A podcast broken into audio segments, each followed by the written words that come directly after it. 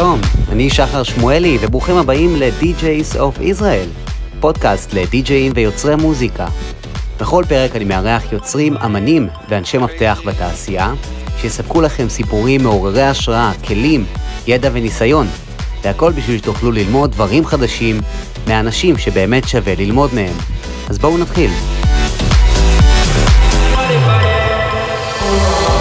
שלום, שלום. מה קורה, DJs of Israel? תודה רבה לכל מי שהצטרף אלינו עכשיו.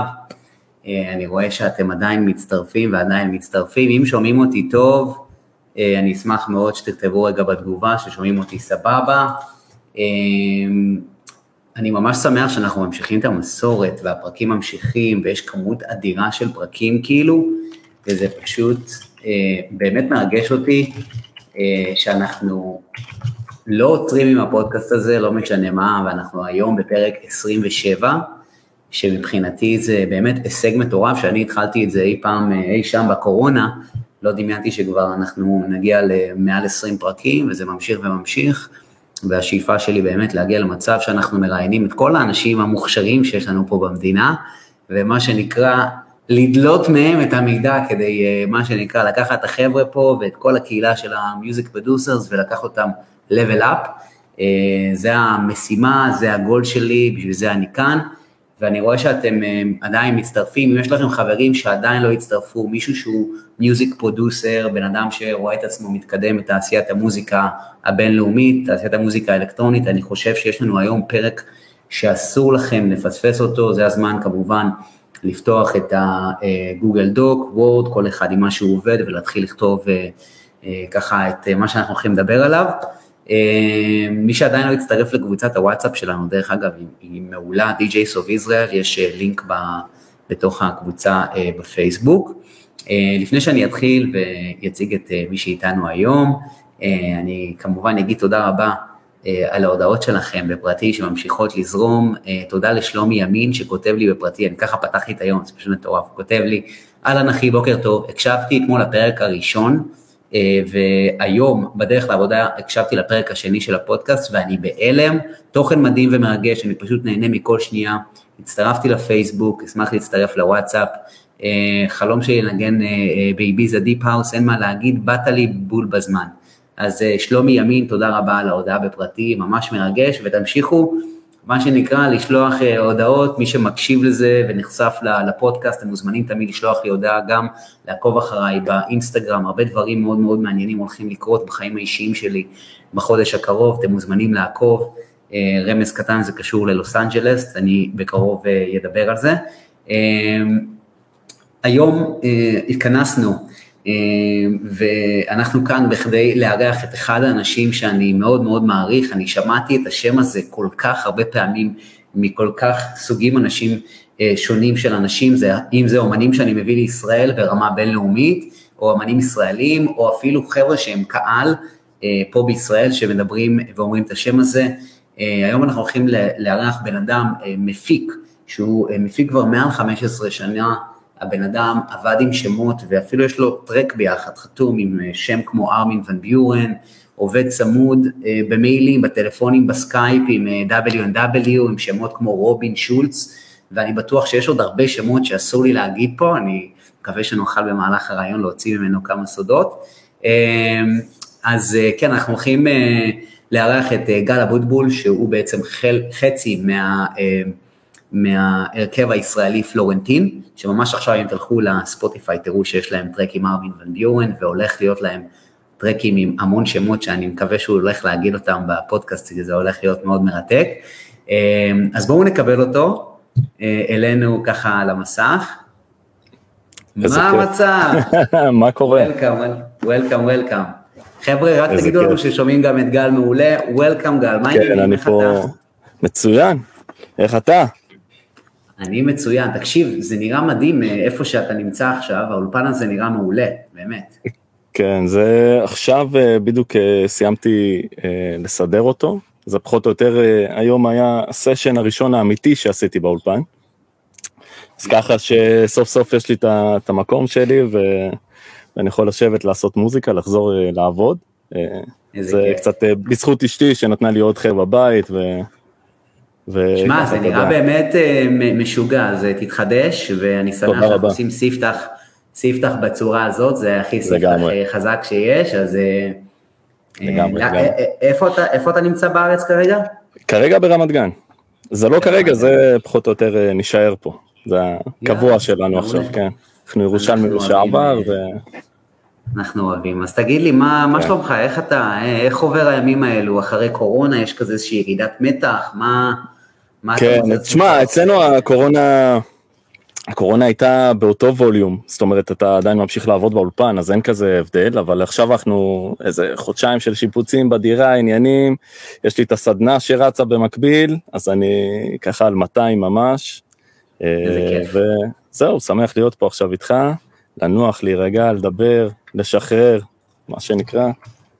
יאללה, מעולה. אני ממש שמח שהגעת, אני יודע שאתה נורא עסוק ויש לך המון המון המון פרויקטים, אני זוכר גם שדיברתי איתך בעבר, אמרת לי, תשמע, זה לא הזמן טוב, ואני שמח שסוף סוף גרמנו לזה לקרות, ואני בטוח שמי שנמצא פה היום, הולך לקבל מה שנקרא value, כמו שאני אוהב לומר, ורצים רצים סטיקרים בוואטסאפ עם הפרצוף שלי, רק value, אתה יודע. אז אה, חבר'ה, היום רק value. אה, תוך כדי שאנחנו מדברים, אני אשמח מי שנמצא איתנו בלייב כבר להגיב ולהגיד איזה מוזיקה אתם מפיקים, כמה זמן אתם מפיקים כדי שנוכל להכיר אתכם, מי שנמצא איתנו בלייב, אני רואה שיש אצלנו כבר כמה אנשים שנמצאים בלייב, כמה עשרות, שזה מצוין. אה, גל, אני רוצה לפתוח וקודם כל אה, להתחיל מהדבר הכי הכי בסיסי, אתה בתור בן אדם שיוצר מוזיקה, מתי זה פוגש אותך בילדות, מתי אתה פוגש את הדבר הזה שנקרא מוזיקה אלקטרונית, הפקת מוזיקה, לרצות להיות די-ג'יי, ספר לי קצת איך, איך הניצוץ הזה בכלל התחיל ומאיפה הוא התחיל, זה הגיע מההורים, מחברים? כן, זה, תשמע, אמ, זה היה אזור שנות האלפיים, 99-2000, אמ, אחי הגדול היה, היה מאזין המון לטיאסטו, לאלבומים הישנים, In Search of Simers 1, Magic 6, 5, ואתה יודע, כאח קטן, אז אתה, בזמן שהוא לא נמצא בבית, ואז אתה משתלט ככה על ה... אז היה קומפקט דיסק. משתלט על הקומפקט דיסק, שם את הדיסקים, שומע, נהנה, מבין את ה... לאט לאט אתה, אתה נכנס לדבר הזה שנקרא מוזיקה אלקטרונית. וככה הייתי מעביר את הימים שלי בין הכדורגל למוזיקה הזאת, זאת אומרת, אה, מגיע לבית, שומע, שומע טיאסטו. אז אה, משם הכל התחיל, זאת אומרת. איזה גיל זה, בן כמה היית? זה גיל 12 בערך, 12-13, אפילו, כן, 11, 12, 13, זה הגיל שכבר uh, הייתי שומע טיאסטו בקבוע, מה שנקרא, בלי הפסקה. אוקיי. יום יום, כבר מכיר את המוזיקה, מכיר את האומנים. Uh, היה לי, uh, זה לא היה לי, יש לי בן דוד שגם כן החתים באותה תקופה בשנת 2000 אצל, בבלקול אצל טיאסטו. וזה ככה עוד, עוד איזה שוון כזה שנותן לך אה, להיכנס למוזיקה עוד יותר חזק ולהעריך אותה ו, ולהתחיל לחקור מה אתה שומע והדברים האלה. ולאט לאט אה, ביחד עם עוד חבר מהלימודים, חבר טוב, אה, שקוראים לו רותם, אה, התחלנו להיכנס אה, בעצם לתחום של ההפקה. הוא הוריד אה, תוכנה, אה, בזמנו היה פרוטי לופס, אצלי בבית היה אימפולס טרקר, ולאט לאט אתה מתחיל אה, ככה לגשש, לעשות קצת אה, ביטים, לעשות לופים, לעשות כל מיני, לא דברים יותר מדי מוזיקליים, לא היינו אז אה, אה, מספיק אה, מוכשרים. אה, אתה לאט לאט לומד את התוכנה, אתה לומד איך, אה, אתה שומע משהו ואתה מנסה להעתיק אותו ואתה מנסה להגיע אליו ואתה יודע, לשאוב את, את כל האלמנטים מה, מהמוזיקה הזאת. ו... וזהו, ולאט לאט אתה מתחיל להתפתח ולהיכנס עוד יותר ל... ל... לעניינים. אה, הייתי יושב, מדבר איתך בשנת 2001 בערך, 2002, הייתי בן 13-14, יושב 10 אה, שעות ביום על, המ... על המוזיקה, גם אם לא יצא לי כלום, פשוט יושב, כן, ו... ושם את כולי על המוזיקה. איך ו... לומדים uh, להפיק מוזיקה ב-2001-2002? אז לא היה יוטיוב. אתה לומד מטעויות, אתה פשוט עושה משהו, אתה שומע אותו. אחי עזר לי קצת באותה תקופה, הוא היה מתופף, אז uh, ככה הוא היה נותן לי הסברים על קצב uh, ודברים כאלה, ו, uh, ודברים קצת יותר מוזיקליים. Uh, ולאט לאט אתה מתחיל, אתה מתחיל לבנות דברים ואתה, ואתה שומע במקביל גם את הדברים שיוצאים בחו"ל ו, ו, מהדיסקים שיש לך, ואתה מנסה פשוט אה, להבין את המבנה, להבין מה הם עשו שם, ו- ולהעביר את זה אליך למחשב, למוזיקה שלך, וככה לאט לאט עד שאתה מתחיל אה, אה, לקבל איזה סקיצה טובה ודברים שהם קצת יותר מוזיקליים מרק קצב, מרק איזה לופ שעשית בהתחלה ודברים. נשמע לי פשוט כאילו ניסוי וטעייה, כי אין לך כל כך... זה ממש ניסוי וטעייה, ממש, לא, לא, באותה תקופה לא למדתי אורגן, לא חשבתי על הדברים האלה, היה לי רק את העניין של הקצב מאחיו וזהו, ו- וניסוי וטעייה בתוכנה.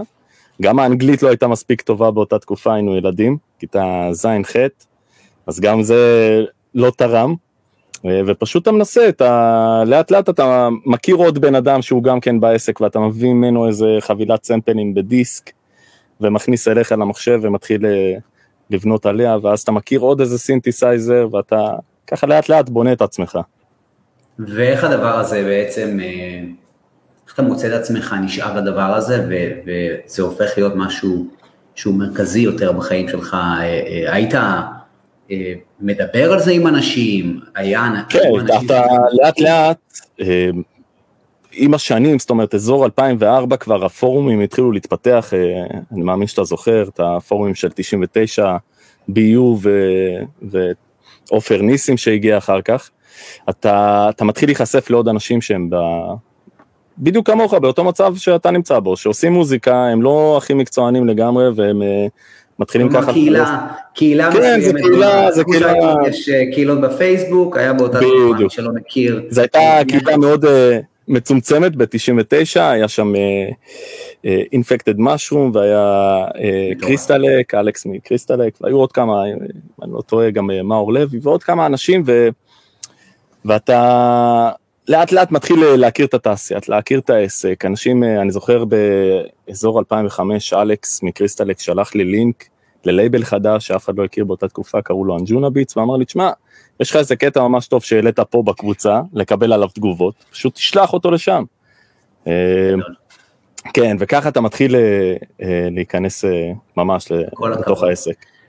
אה, משהו אחד יפה שאני אומר פה, שאני רואה במה שאתה אומר, זה שכאילו מרימים אחד לשני, שזה גם חלק מהמהות של מה שאני רוצה לייצר בקהילה שלנו פה, זה שבואנה, אם אתם רואים מישהו שהוא מוכשר וזה, תנו לו, תנו לו את היד, תנו לו את ה connection, תנו לו לגמרי, את, לגמרי. את האימייל וזה, זה כאילו גם, אתה יודע, בעיניי זה, זה משהו שאני שמח לשמוע שגם היה קיים שם באותה, לגמרי, באותה אני, צורה. זה היה ממש באותה צורה, ועד היום אה, אם אה, אנשים פונים אליי, גם אם אני לא מכיר, ומבקשים אימיילים לארמדה מיוזיק ול-ANRים כאלה ואחרים, בשמחה, זה לא, עצם זה שאתה נותן למישהו, זה לא אומר שאתה תיפגע מזה. זה לא אומר ש, שנתת אימייל אישי של איזה ANR, אתה, זה גורע ממך באיזושהי צורה. אז אה, אצלנו, גם בקבוצות של הסדנאות שאני מעביר, זה כאילו, כולם יודעים, זה יד פתוחה. באים, עושים, אם צריך עכשיו, אה, עושים חיבורים, עושים את המעברים בין אחד לשני, אימיילים, מה שצריך כדי להגיע למעלה, ו... ורואים את זה, אתה... מרגישים את זה בתעשייה. העוגה היא מספיק כן. גדולה. לגמרי, לגמרי. אנחנו כאן להגדיל את העוגה, זו המטרה שלנו. בדיוק.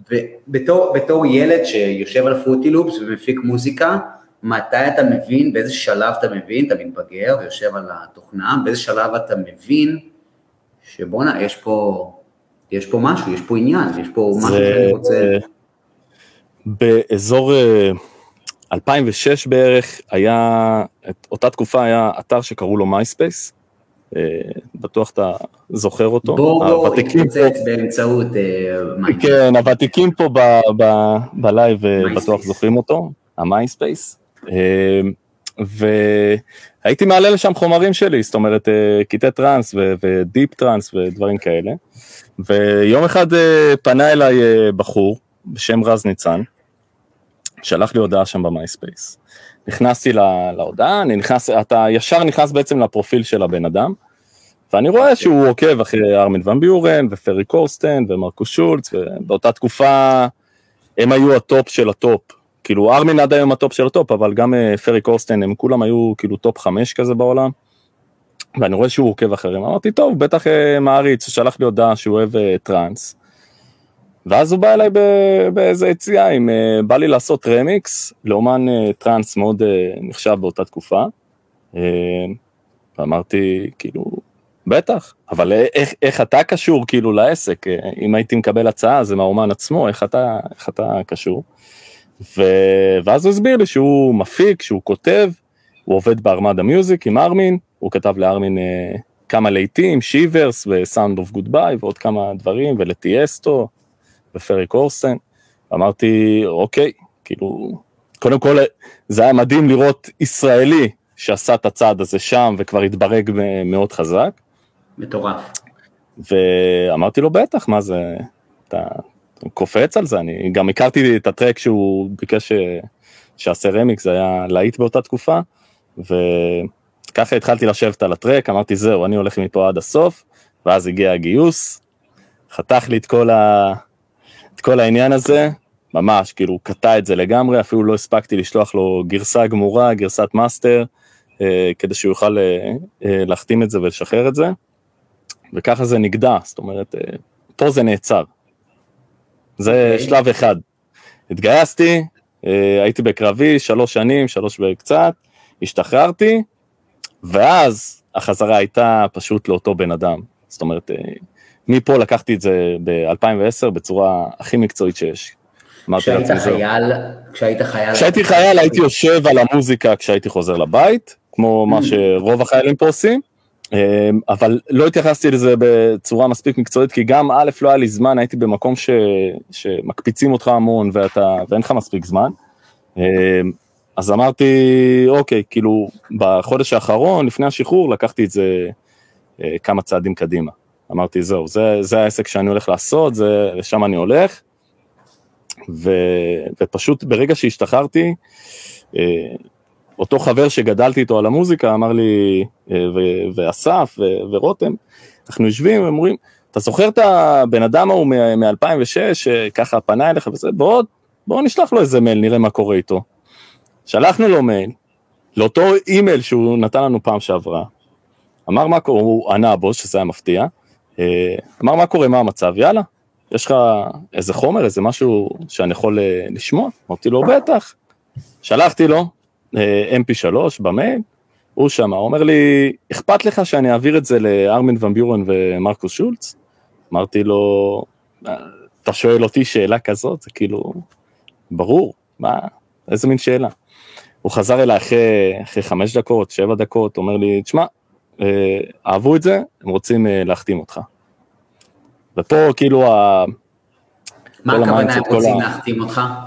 אה, זה, הייתי בטוח שהם מתכוונים לשיר, ואז אה, ברגע שכמה אה, ימים אחר כך, שהוא פתאום הציג לי את החוזה, הבנתי שמדובר בחוזה אומן, בחוזה שהוא עם, עם המון כסף, ואתה מתחיל, כאילו אתה מתחיל ממש ממאה, אתה נכנס לתוך, לתוך ארמדה ולתוך הלייבל הזה, ומתחיל לרוץ איתם.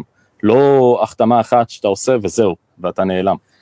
אז זה היה, זה היה בום בשבילי, זה כאילו היה מטורף. אני מזהה לא פה משהו שהוא באמת כאילו, אה, באמת מדהים, כאילו, א', יש פה כמה אלמנטים שמעתי בסיפור הזה, שהם, שהם כאילו נטו מתעוזה, בוא נשלח מייל, בוא נראה מה יקרה. אני יכול להגיד לך שעד היום זה קורה, זאת אומרת, אה, אסף כל הזמן אומר לי, בוא נשלח מייל לככה וככה, אני מה, כאילו, טוב, וככה יוצאים לך בסופו של דבר, אתה יודע, שיתופי פעולה ועניינים, ואתה עם שמות שאתה, אתה יכול רק לחלום עליהם, ואתה אומר, אה, למה שהם ישמעו קטע שלי, או אה, יקבלו מייל ממני, או איזו הודעה, אתה יודע, גם, גם אם אתה עושה הפקות לאחרים, אתה עדיין, אה, נגיע לזה בהמשך, אתה עדיין גוסט, ואתה, אין לך איזה מותג כן. כאומן אה, פעיל בחוץ, ואז, ואסף אומר לי כל הזמן, מה, למי אכפת, כאילו, בוא נשלח, וזה המסר שלי אצל התלמידים כל הזמן, תשלחו, אל תתביישו, ניגנו אתכם, תשלחו הודעה לבן אדם שניגן אתכם, תגידו לו תודה רבה, ומפה תתחילו... עוד משהו שאני מזהה פה, זה שהייתה לך איזושהי אינטראקציה עם אה, רז ניצן קוראים לבחור. נכון. הייתה לך איזושהי אינטראקציה איתו, לפני שלוש שנים, וזה משהו שאני תמיד מדבר עליו, לפני שלוש שנים הייתה לך אינטראקציה איתו, והאינטראקציה הזאת נעלמה, לשלוש שלוש שנים נעלמת, פתאום חזרת, כן.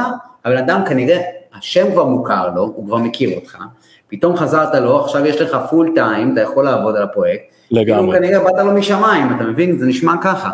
זה, כאילו... תשמע, זה עד היום, עד היום מה שהוא, אה, מה שהוא עשה עבורי, אני, ככה זה, זה הדרך שלי עם, עם כל האנשים ש, שאני עובד איתם, או מדברים איתי, או מבקשים עזרה, או משהו כזה. בגלל שהוא עזר לי בצורה כזאת, אה, אה, מבחינתי הייתה חריגה, כי מה לו ולי, הוא לא חייב לי שום דבר, ואתה יודע, זה סך הכל כמה הודעות, ו... וזה היה, בעיניי זה כאילו, זה סובב אותי, זה היה, הוא היה המנטור שלי לאורך המון שנים אחר כך. ו... קיבלת חוזה מארמדה. קיבלתי חוזה מארמדה, אה, התחלתי לעשות, התחלתי בעצם אה, להחתים מוזיקה על השם שלי, ולאט לאט אתה גם, אה, זה לא לאט לאט, כל החתמה אתה מקבל כסף, אז אתה גם מתחיל לראות ישר את הפירות. עוד לפני שהקטע יצא, אתה כבר מקבל את ה advance שלו. אז זה היה, מבחינתי זה היה מאוד, כאילו, זה נתן לי space לעבוד על המוזיקה. וש... כן, ושם התחלתי להבין גם את הבעיות שלי כ... כאומן. זאת אומרת, הייתי מאוד צעיר, השתחררתי, אתה מתחיל לעשות המון מוזיקה מכל הכיוונים, זאת אומרת, ב-2010 הוצאתי איזה משהו בארץ עם איציק קאלה, שמאוד תפס, ופתאום אתה מקבל המון עבודות מה... כן, זה מצחיק, המון עבודות מה, מהקו המזרחית, ו... ואחרי זה עבדתי עם עומר אדם, ואתה פתאום נשאב למקום אחר לגמרי, ואז זה בלבל אותי ברמות ש... שהיום כשאני מדריך אנשים אחרים, אני אומר להם, תשמעו, אתם צריכים להיות פוקסים ככה, אין דבר כזה לזוז.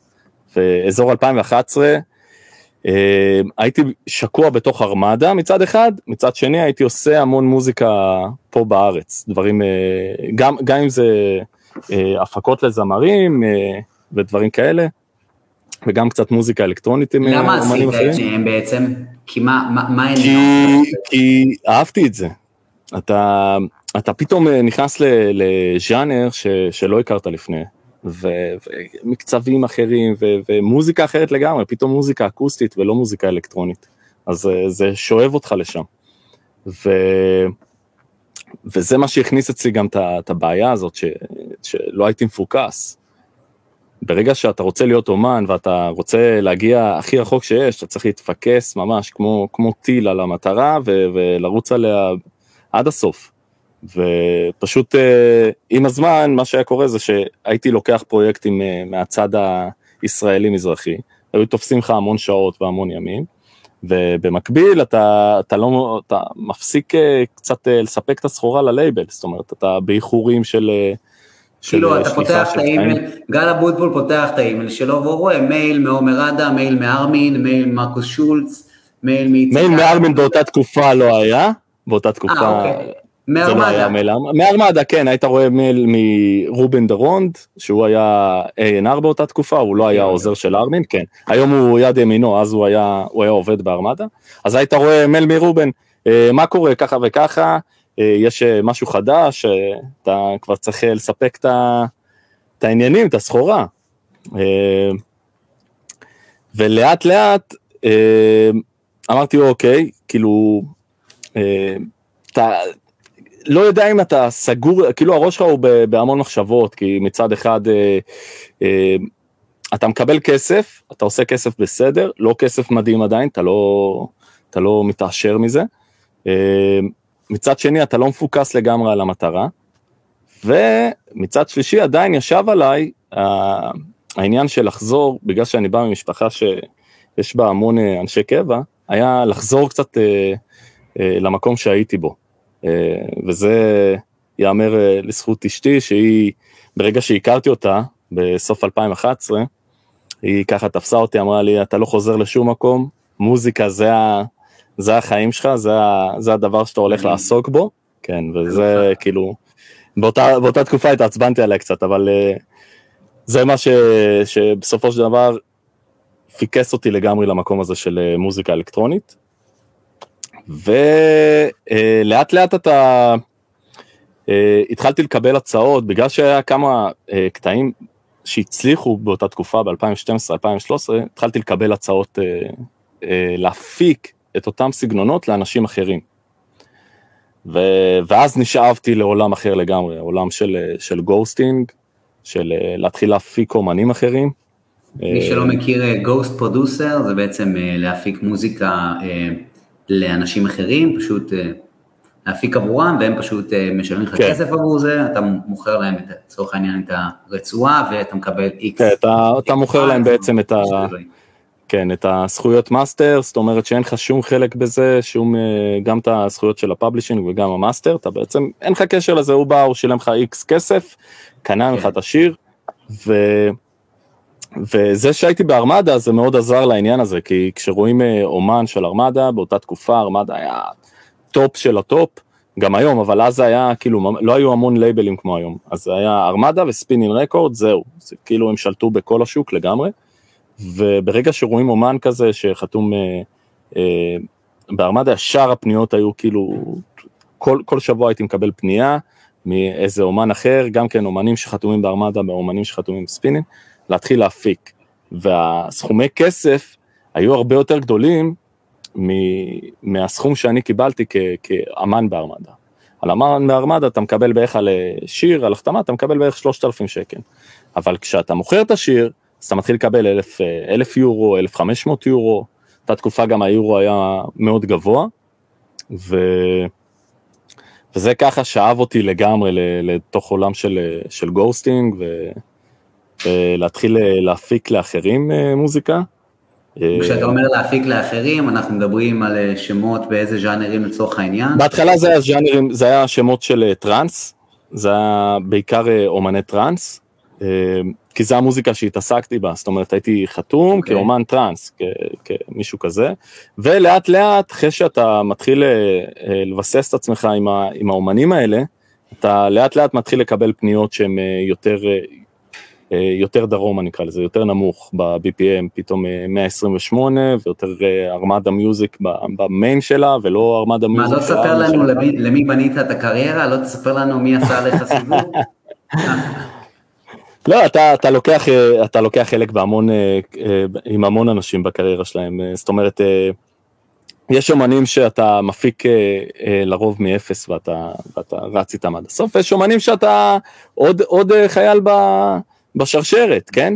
אתה לא המפיק היחיד שלהם, אבל אתה עוד חייל בשרשרת.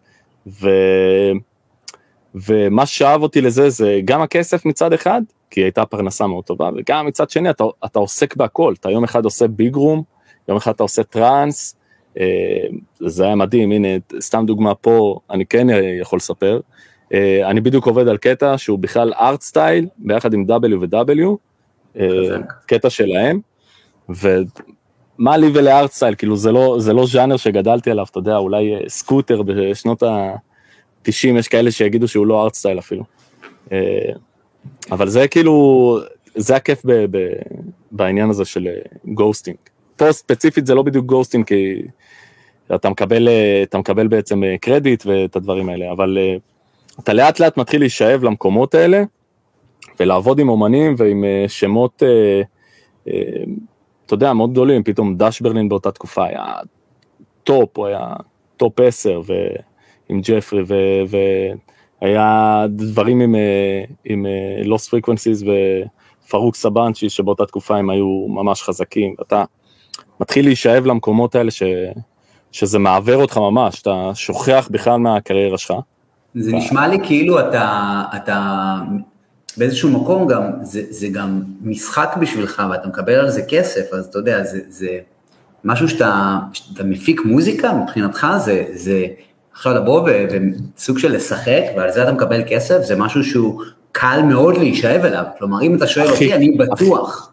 הכי קל שיש, זאת אומרת, אה, אה, כשאני היום אה, עובד עם אה, אומנים צעירים אה, בסדנאות, אז אני אומר להם, תקשיבו, אל תיקחו גוסטים. זאת אומרת, כש, כשאתם עכשיו מחתימים, יש לי אה, כמה תלמידים שחתמו עכשיו בארמדה ומקומות כאלה, ודיפקטד וכל מיני, ואתה אומר, תשמעו, אתם חתמתם עכשיו במקומות הכי גבוהים שיש, סביר להניח שמהר מאוד, תוך, ברגע שהשיר יוצא, תוך אה, שבוע, שבועיים, אתם תתחילו לקבל הצעות של אה, להפיק לאומנים אחרים.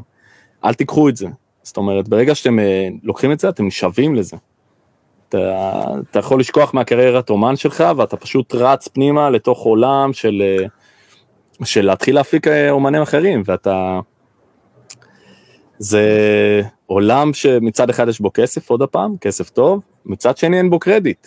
צריך להבין את זה, זה מאוד, אה, זה מאוד קשוח, אין קרדיט למוזיקה. אני חושב שזה יתקשר גם למה שאנחנו הולכים לדבר איתו עליו בהמשך, שזה כל מיני דברים שאתה למדת ודברים שאתה ממליץ לאומנים לעשות מבחינת אסטרטגיה ומבחינה שיווקית, כן. ומבחינת מיתוג וכל הדברים האלה, זה מאוד מתקשר לזה, כי בסופו של דבר, יש לנו כמות מוגבלת של אנרגיה וכמות מוגבלת של זמן, ואנחנו צריכים בדיוק. תמיד להסתכל לאן אנחנו מכוונים את האנרגיה שלנו, כי אם אנחנו עושים משהו שהולך לא לקרב אותנו אל עבר המקום שאנחנו אליו ואנחנו רוצים להגיע, לצורך העניין להתקדם עם הפרויקט שלנו, אז אולי כדאי שרגע נשים את זה בצד, גם אם זה עכשיו אה, לוותר על XYZ של כסף, אה, זה גם בסדר, אה, זה, זה, זה כמובן עולם אחר לגמרי, אבל זה מזכיר לי את האנלוגיה שהייתי מקבל טלפונים מכל מיני מפיקים מאוד גדולים פה בישראל, והם היו אומרים לי, תשמע, שחר, בוא תנהל לנו את הקמפיין, בוא תשב, קח תקציב, קח מה שמגיע לך, תנהל לנו את הקמפיינים, ואני, רגע, יש לי, פה, יש לי פה משרד כרטיסים, יש לי פה חברת הפקות, כאילו,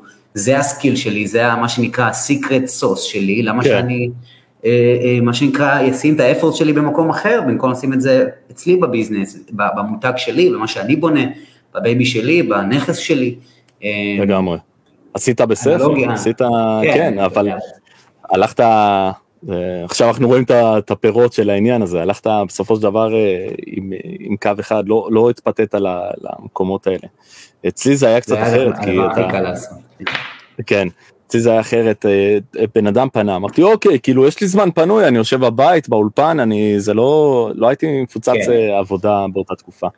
ואתה אומר אוקיי, הוא משלם לי, אני ככה... מאמין שתוך כמה ימים אני אסיים את ההפקה, ואז אתה מתחיל להישאב לזה, אתה מקבל ממנו עוד, אה, מאותו בחור עוד קטע, ואז מבחור אחר שהוא חבר שלו, אתה מקבל אה, פתאום עוד הצעה, ואז גל. באיזה אה, שלב עוצרים את זה? מתי עושים קאט? מתי הבנת שאתה עוצר את הדבר הזה? עושים קאט, זה היה, הקאט הרציני היה אה, עם אסף ב-2016 בערך, 2016-2017, אה, הוא אמר לי, תשמע, בוא, קודם כל, אני חייב... רקע על אסף? כן, כן, כן, אני אתן רקע, כי שאנשים יבינו על מה, על מה מדובר. אסף הוא שותף שלי ב, בפלורנטין, ולפני זה בגרם בל, ולפני זה, כאילו תמיד עבדנו ביחד, היינו חברים מאוד טובים מילדות, ותמיד עבדנו ביחד. אה, והוא מפיק בפני עצמו, הוא גם כן אה, אה, עשה מוזיקה לאנשים והכל, והוא מטורף בכל מה ש, שקשור אה, לניהול זמנים, הגישה שלו, זאת אומרת, היא מאוד, אה, אנחנו משלימים אחד את השני, הוא מאוד, אה, בוא נשלח לזה, בוא נעשה ככה, בוא נעשה ככה, בוא נעשה ככה, אני אוקיי, סבבה, ברגוע, כאילו בוא, בוא נשב שנייה, בוא, בוא נרד למטה, נביא איזה בירה. זה היה ככה אני, והוא בדיוק טוב מאוד, ככה, ככה צריך כן. להיות, שותפים צריכים להיות ככה, אחד משלים כן, והוא מדבר, מדרבן את העסק. מה שקרה זה שהיה לנו, היה לי אומן ביחד עם אסף, ש, שפשוט אה, כמו המון אומנים אחרים, הייתי מוכר, הייתי מוכר לו מוזיקה. אסף היה מנהל אותו בקטע של אה, קצת היה עושה לו את האתר וכל מיני דברים כאלה ואינסטגרם, ואני הייתי מוכר לו את המוזיקה. אה, ובסדר, זה היה עוד קליינט והכל היה טוב ויפה והכסף היה מצוין והכל היה בסדר. ו... היה שלב שהוא ממש התפוצץ אה, אה, ביחד עם, אה, עם איזה להיט מאוד חזק בארמדה, אצל ארמין, וארמין היה חורש על זה בצורה מטורפת, על, על הקטע הזה, ודמיטרי וגאס וארדול, זה היה ממש היסטרי, ויום אחד הוא בא, הוא אומר לנו, תשמעו, אני, אין לי זמן, אני, אני, אין לי זמן להשקיע בפרויקט, כאילו, אני לא יכול אה, לקחת את הפרויקט הזה קדימה, ואמרנו, שנייה, אם הוא לא יכול לקחת את זה קדימה, חבל, חבל לבזבז את כל מה ש... כאילו, כל מה שיצא. אנחנו, יש פה עוד המון על הפרק, עוד המון אה, דברים שהוא כבר, אה, כבר הזמין, ו, ודברים בלייבלים מאוד נחשבים. אז אמרנו, אוקיי, בוא, בוא ניכנס שותפים בעסק הזה, נוריד את העניין של, ה, של השכר, זאת אומרת, התשלום, נפחית אותו ממש, ובוא אני ואסף אה, ניקח את המושכות, זאת אומרת, אה, אתה עדיין אה, תהיה בפרונט, אם יהיה לך זמן, לאותו אומן אנחנו אומרים. מהר מאוד הוא, הוא ככה ירד מזה, ובסופו של דבר נשארנו שם לבד, אני ואסף. ואז אסף אמר לי, תשמע, יש פה פוטנציאל מאוד מאוד מאוד חזק, גם עם השם, גם עם ה... למרות שבהתחלה הוא היה המותג, הפרצוף שלו, אבל uh, מהר מאוד uh, הצלחנו להתגבר על זה. Uh, היה לנו שיתופי פעולה עם W&W ועם ארמין שנגנז לפני זה, ועוד שמות מאוד חזקים. ואסף אמר לי, תשמע, בוא ניקח את זה עד הסוף, זאת אומרת, הפרויקט הזה, קראו לו גרם בל, בוא ניקח אותו עד הסוף, אה, נתחיל לרוץ, אה, ואז אה, פשוט ישבנו, עשינו מלא מוזיקה, לא מכרנו שום דבר, לא התפתינו למכור אותה. מתי הדבר הזה קורה? ב-2017. אוקיי. זה ככה היה שנה שרק השקענו במוזיקה, עשינו המון חומרים, באותה תקופה W&W פתחו את הלייבל שלהם רב קלצ'ר, וישר כאילו אסף אה, לקח אה, כמה קטעים, שלח אליהם, שיגר אליהם, אה, וקיבלנו גם לחתום איתם בצורה מאוד אקסקלוסיבית ואינטימית כזאת איתם ביחד, וגם ישר המנהל שלהם פנה אלינו לניהול בעצם, רצה לנהל אותנו והכל רץ מאוד מהר. ואז... פיליפ, כן. ואז הגענו למצב שאסף אומר לי, תשמע, יש איזה בעיה עם השם. הגרם okay. אוקיי. בל, יש לנו איזה טאקל עם העניין אה, משפטי עם השם הזה, כי זה, כן, כי זה לא שם שלנו, זה שם אוקיי. שבנינו אותו על, במכוון על בן אדם מסוים שקוראים לו גרם בל, אה, שמת אה, לפני כמה זמן, והוא, יש לו המון חלק בעניין הזה של, של סאונד ובכללי גלי קול. אה, ויש עמותות על השם שלו ויש אה, המון דברים וויקיפדיה ו... והיה לנו מאוד מסובך ב... ברמה המשפטית לנסות ולמשוך חלק מהדברים אלינו. מתי אה, הבנתם שזה בעייתי דרך אגב? לקחנו עורך דין, התחלנו לבדוק את הדברים ו... וראינו שזה לא, שאנחנו, יהיה לנו מאוד קשה עם השם, זאת אומרת כל דבר שנעשה זה או שיחסמו אותנו אה, אפילו ביוטיוב, בדברים מסוימים היו חוסמים אותנו כשהיינו מעלים, וואו. אה, ובאתרים, וכן, והיה לנו סרט מאוד, אה, עברנו שנה, זה היה 2018, כבר אחרי החתמות, הכל כבר היה סגור, נעול, עם, עם הופעות, עם הכל. ו... ופשוט ראינו שאין לנו סיכוי להתקדם עם השם הזה. העורך דין אמר לנו, תשמעו, תפרקו את זה, תחתכו את השם, כבר העמודים היו עם Verified והכל היה כאילו מסודר, פרפקט.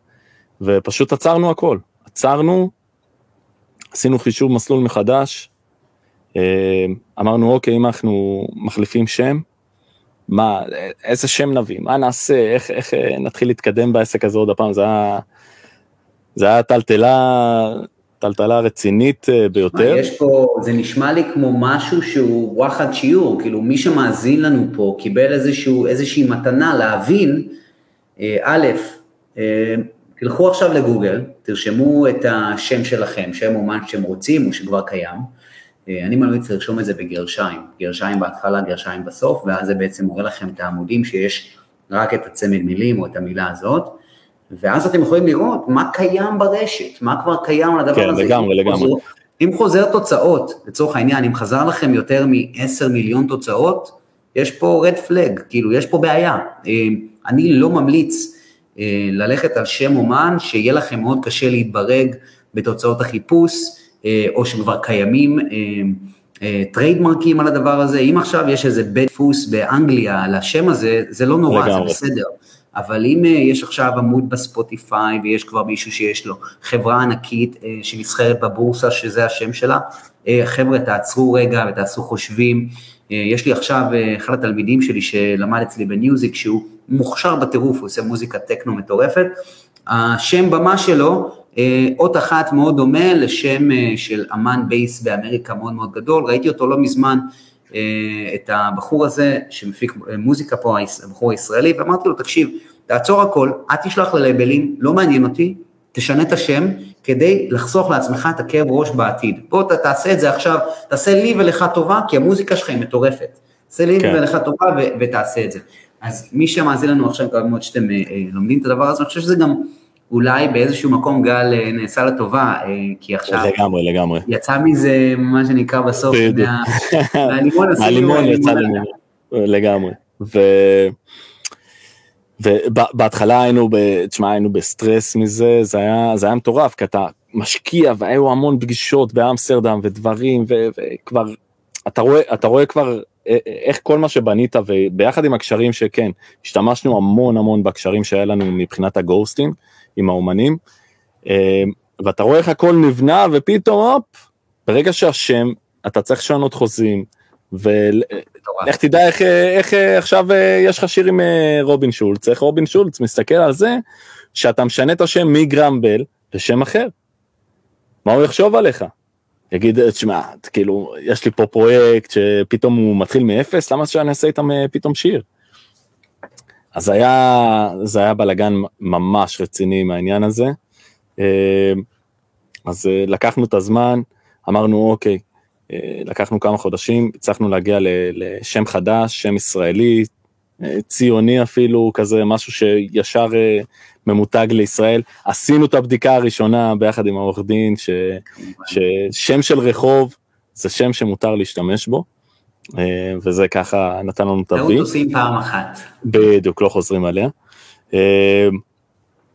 ולקחנו את השם החדש, חזרנו לאותם, אה, בהתחלה חזרנו לאותו, לאותה מוזיקה שעשינו לפני, ביחד עם WW והמקומות האלה, אה, ומהר מאוד ראינו שזה לא, לא מתחבר לנו לשם, ראינו שאנחנו לא, אנחנו לא מאה אחוז שלמים עם, ה, עם הסגנון הזה, של, ה, של כל הביג רום וכל הדברים ה, של הפסטיבלים. זה השתנה, דברים השתנו גם, אתה יודע, בוא. כן, גם הייתה בדיוק, אה, זה היה קצת לפני הקורונה, אבל כבר, אתה מתחיל להרגיש את הרגיעה, כאילו, אם אנחנו הורדנו ווליום, אז uh, סביר להניח ש, שגם בעולם התחילו להרגיש את זה. ו, והלכנו נמוך יותר, זאת אומרת, לקחנו את השיתוף פעולה עם ארמין ושינינו אותו לגמרי. הוא היה progressive house, ניצחונות הכי טומארולנד שיש, והורדנו אותו להיות יותר רדיו פרנדלי, יותר קצת האוס. אה, קצת עם אה, מוטיבים של אה, טכנו ודברים כאלה, וכנ"ל עם, כן, עם רובין שולץ וסם מרטין, ורק השמות של ה-WW, אז פשוט היינו צריכים לגנוז את הדברים האלה, כי היה לנו המון חומרים שם והמון שיתופי פעולה, ופשוט זה לא התאים לנו לעסק. מתי הדבר הזה קורה, שאתם כבר מתחילים להגיד רשמית, זהו, אנחנו שינינו את השם? זה בקורונה, בקורונה ישבנו, היה לנו זמן, ישבנו נונסטופ, אמרנו זהו, זה הקו שלנו, אה, הלכנו על קו הרבה יותר פופי. יש מספיק זמן לחשוב, אתה אומר, כן, עשינו כמויות, כמויות של מוזיקה מטורפות, כאילו, אה, ממש ארגזים של מוזיקה, ו... ובנינו לעצמנו קו, אה, קו חדש, כאילו, שהוא יותר, קצת יותר נמוך, יותר ל progressive house radio-able, יותר למקומות האלה. אה, עם הזמן גם אחרי הקורונה התחלנו אה, כמו כולם להיכנס למקום הקצת קצת יותר אפל של הטראנס, זאת אומרת ה melodic טכנו, אה, טכנו למקומות האלה, וגם שם אסף ישר, בוא נשלח ל-X, וה-X הזה אחרי שלוש דקות עונה ואומר לך, אני רוצה את זה, בוא, בוא נתחיל להריץ את זה, ואנחנו, אתה יודע, אתה יודע את השם, אבל לא, לא נעים לי ככה לשרוף את זה לפני שזה יוצא החוצה. ו... ואתה פשוט uh, הולך למקומות האלה שאתה עדיין מתאים את זה מוזיקלית לקו שלנו, זאת אומרת זה חייב להיות מלודי, זה חייב לבוא מהמקום שלנו, uh, אבל אתה כן הולך קצת למקומות היותר, uh, נקרא לזה מסחריים, אבל מה שקורה היום בעולם, זאת אומרת הטכנו והטכנו melodic והמקומות האלה. אבל עדיין יש לנו את הפופ, פשוט הכל הורדנו בווליום, זאת אומרת הכל היה מאוד חריף ומאוד גבוה, ואת כל השיתופי פעולה הורדנו אותם אה, גם ב-BPM וגם בסגנון להיות יותר אה, רדיו ויותר house קצת ולמקומות האלה. תראה, יש לך פה אה, קילומטראז' מטורף בהפקת מוזיקה, בלהסתכל, להבין איך התעשייה עובדת, לעבוד עם אומנים, לראות דברים. ראית אומנים עולים, ראית אומנים יורדים, ראית אומנים מתפוצצים, ראית מלא דברים במהלך כן. ה-15-20 שנה האחרונות. אה, בכל פרק שאני עושה, אני שואל שאלה שהיא בעצם, מה הדברים שאתה רואה במהלך הקריירה, שעשית, או שאומנים אחרים עשו, או ששמת לב אליהם, שיצרו איזשהו אימפקט הכי גדול, יצרו משהו מטורף, או יצרו את ההצלחה, או עזרו להצליח אה, לאומנים, או לכם. אני, יש לי, יש לי הרבה דוגמאות. אה, אה, גם, גם, על, גם על השם שלי יש לי כמה דוגמאות וגם על שמות שעבדתי איתם. בין אם זה גדולים או קטנים, זה לא היה כזה קריטי. תמיד לאומן גדול יש, אתה יודע, האימפקט הוא לא, הוא לא משחק שם תפקיד, כי הוא בעצם כבר, יש לו את החשיפה, יש לו את הרשת, יש לו את כל הדברים האלה, אז פחות, אני אתן דוגמה לדברים שיתאימו לנו פה אה, לקהל הזה. לאנשים שמאזינים לנו. בדיוק, בדיוק. אז אה, גם על השם שלי, כשיצא איזה משהו שארמין באותה תקופה, ב-2016, מאוד, 2015, אה, מאוד אהב, קראו לקטע United, וניגן אותו נונסטופ ביחד עם, הוא עשה לזה mashup עם Ping Pong ולא הפסיק לנגן אותו, וגם בארץ עד היום בטדי ובמקומות האלה. שמעתי את זה באנטולד, שירד גשם והיה שם חשמל באוויר, באנטולד בגרמניה. או, זה בכללי פסטיבל פגז. ו... ואתה רואה את האימפקט בקטע ש... ברגע שזה מתנגן בהמון מקומות, אתה מתחיל לקבל המון, אה, המון הודעות, גם מסוכנויות ומנהלים, וגם מקהל, וגם אה, מדי-ג'אים אחרים ודברים כאלה, ואתה... אצלי הבעיה הייתה, עוד פעם, שגם את הקטע הזה ספציפית מכרתי אותו, זאת אומרת, אני הייתי רשום שלישי, מכרתי אותו לצמד שרשום שם לפניי, אה, אז פחות נתתי לזה חשיבות, אבל אני זוכר את האימפקט שהוא היה מטורף, גם, ב, גם בכסף שהשיר עשה וגם ב, בכל, בחשיפה היא הייתה, הייתה מטורפת. Uh, עם בן גולד היה לי, uh, עשינו, uh, בן גולד הוא אומן טראנס בארמדה, ועשינו את ההמנון של State of Trance של ארמין ון ביורן ב-2017, ושם אתה רואה מה זה חשיפה של ארמין, זו הפעם הראשונה ש... נתקלתי בחשיפה שהיא נונסטופ, זאת אומרת כל תוכנית פותחים איתך, כל תוכנית של State of Trance פותחים איתך, וכל פסטיבל, והכל הכל הכל נונסטופ, משמיעים את השיר, היה לו, היה לו סטרימינג משוגע, וגם ברמת הפריצה הכספית הוא היה, הוא היה מטורף, הוא הגיע לסכומים ש, שעשיתי מהפופ ולא מהטראנס, זאת אומרת זה הגיע ל-25 אלף יורו על, אה, על קטע כזה. שזה היה מבחינתי פסיכי לגמרי. אבל פה אה, ראיתי כמה אותו אומן, אה, יש בעיות באיך שהוא מתפקד, זאת אומרת, בין זה בן אדם שאני מאוד אוהב, ועד היום אנחנו עובדים ביחד, ועכשיו אה, אנחנו בדיוק עושים, אה, אה, אני עובד איתו על אה, שיר ביחד עם ארמין, שהוא עושה. אה, והחשיפה המאוד גדולה שהייתה להמנון הזה, הוא, הוא פשוט לא, לא, לא יישם אותה ברמה שאומן צריך ליישם אותה. זאת אומרת, ברגע שנותנים לך במה כזאת שאתה מתנגן בכל מקום נונסטופ, אני מדבר איתך שאפילו אה, בפסטיבלים של ה State of Trance, ב Tomorrowland ובמקומות האלה, בין הקטעי מעבר, שעכשיו אה, ארמין אה, עולה ולפניו, לא יודע, ירד, ירדו ה Above and Beyond, בקטע מעבר זה השיר ששמים. זאת אומרת, כולם מכירים אותה, כולם יודעים שזה שלו, ו... והוא לא נתן את, הוא לא נתן את המכה כמו שצריך ברגע שזה יצא, זאת אומרת, אם זה, אם זה שיווק מאוד אגרסיבי אה, ברשתות, אם זה אה, להוציא איזה קליפ, אם זה אפילו להראות אה, איך, איך עשו את הקטע, אפילו במצב הזה, אתה, אתה יכול לבנות תעשייה שלמה רק על השיר הזה בגלל, ה, בגלל הכוח שהיה לו באותה שנה. ועד היום אני לוקח את זה כלקח, שאם יש לך, שאם יש איזה אימפקט משיר מסוים, אתה חייב להכות בברזל כמו שצריך, זאת אומרת, ישר לעשות 101 אה, דברים כדי ש, שזה יתקדם וזה יצליח, אה, להשתמש בזה גם אם צריך. עשית שיר עם איקס, ניגנו אותך, זה מה ש, שדיברנו בהתחלה. אה, יש לי כמה תלמידים שעכשיו מקבלים חשיפה מאוד חזקה בטק האוס ובהאוס ובטכנו, וכל פעם שהם אומרים לי, תשמע, ככה וככה, ו Gorgon City ניגנו אותי, שלחו הודעה, ו- ואלה ואלה ניגנו אותי, שלחו להם הודעה, אל תתביישו, צריך להכות בברזל כשהוא חם. אין מה לעשות, זה, זה האימפקט בסופו של דבר. זאת אומרת, גם אם הקטע פורץ, כמה, כמה אומנים אנחנו מכירים שיש להם מוזיקה ממש חזקה, אבל הם לא מופיעים, הם לא פורצים החוצה. כמו, מבחינתי, אוטו נורס נגיד, אחד ה-underrated, אתה יודע, הגדולים שיש, אומן בחסד עליון, ואתה לא מקבל ממנו יותר מדי, ואפילו מטיס וסטקו שהם אה, אומני העל, ואתה אומר בוא הנה עם, עם המוזיקה שלהם הם צריכים להיות לפחות כמו קצת מתחת לגריקס או כמו גריקס. וזה זה נטו עניין פה נכנס הסלסמן של, של אותו אומן זאת אומרת איך הוא מוכר את עצמו מה הוא עושה איזה תהליכים הוא עושה אחרי שהמוזיקה יצאה.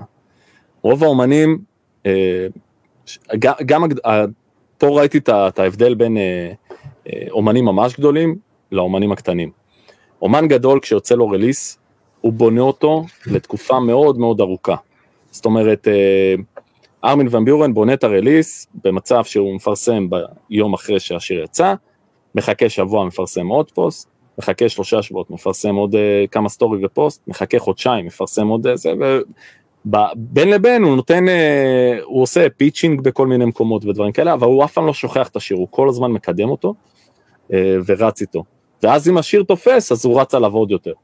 אה, לעומת אומנים קטנים, שמה שהם עושים זה שהם מקבלים את העטיפה של הלייבל, מה, של ה, סליחה, של ה track מה label, והם מפרסמים אותה, ואז יש להם את השבוע בין, ה, בין הרגע שהם קיבלו את העטיפות והדברים האלה עד ה release, הם נותנים push מטורף, נונסטופ פרסומים, הודעות, עניינים לכולם, אתה רואה את זה ברשת מאוד חזק. שבוע אחרי שהרליס יצא, זהו, לא קיימים. וזה, אה, לא נקרא לזה אימפקט, אבל זה כלל מבחינתי שכשאתה רואה את הגדולים עובדים ואיך הם משווקים את זה, וכשאתה רואה את זה מבפנים גם, אה, מהספוטיפיי ארטיסט ואתה רואה את זה מהמקומות האלה, אתה מבין ש... אה, שיש לנו עוד דרך בקטע הזה, יש מה ללמוד מהם. ולא יש סתם... יש כל כך הרבה חומר שמדבר על release strategy, release לגמרי. strategy. יש, תלכו ליוטיוב ותכתבו release strategy.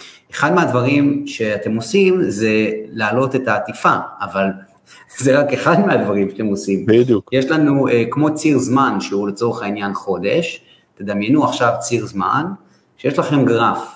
הגרף הזה הוא ההייפ שאתם רוצים לייצר סביב הרליס שלכם, אוקיי? ככל שיש יותר ספייקים בגרף הזה, ככה יש ליותר אנשים, יש לאנשים יותר הזדמנות לשמוע על המוזיקה שלכם. אז בואו ניתן דוגמה.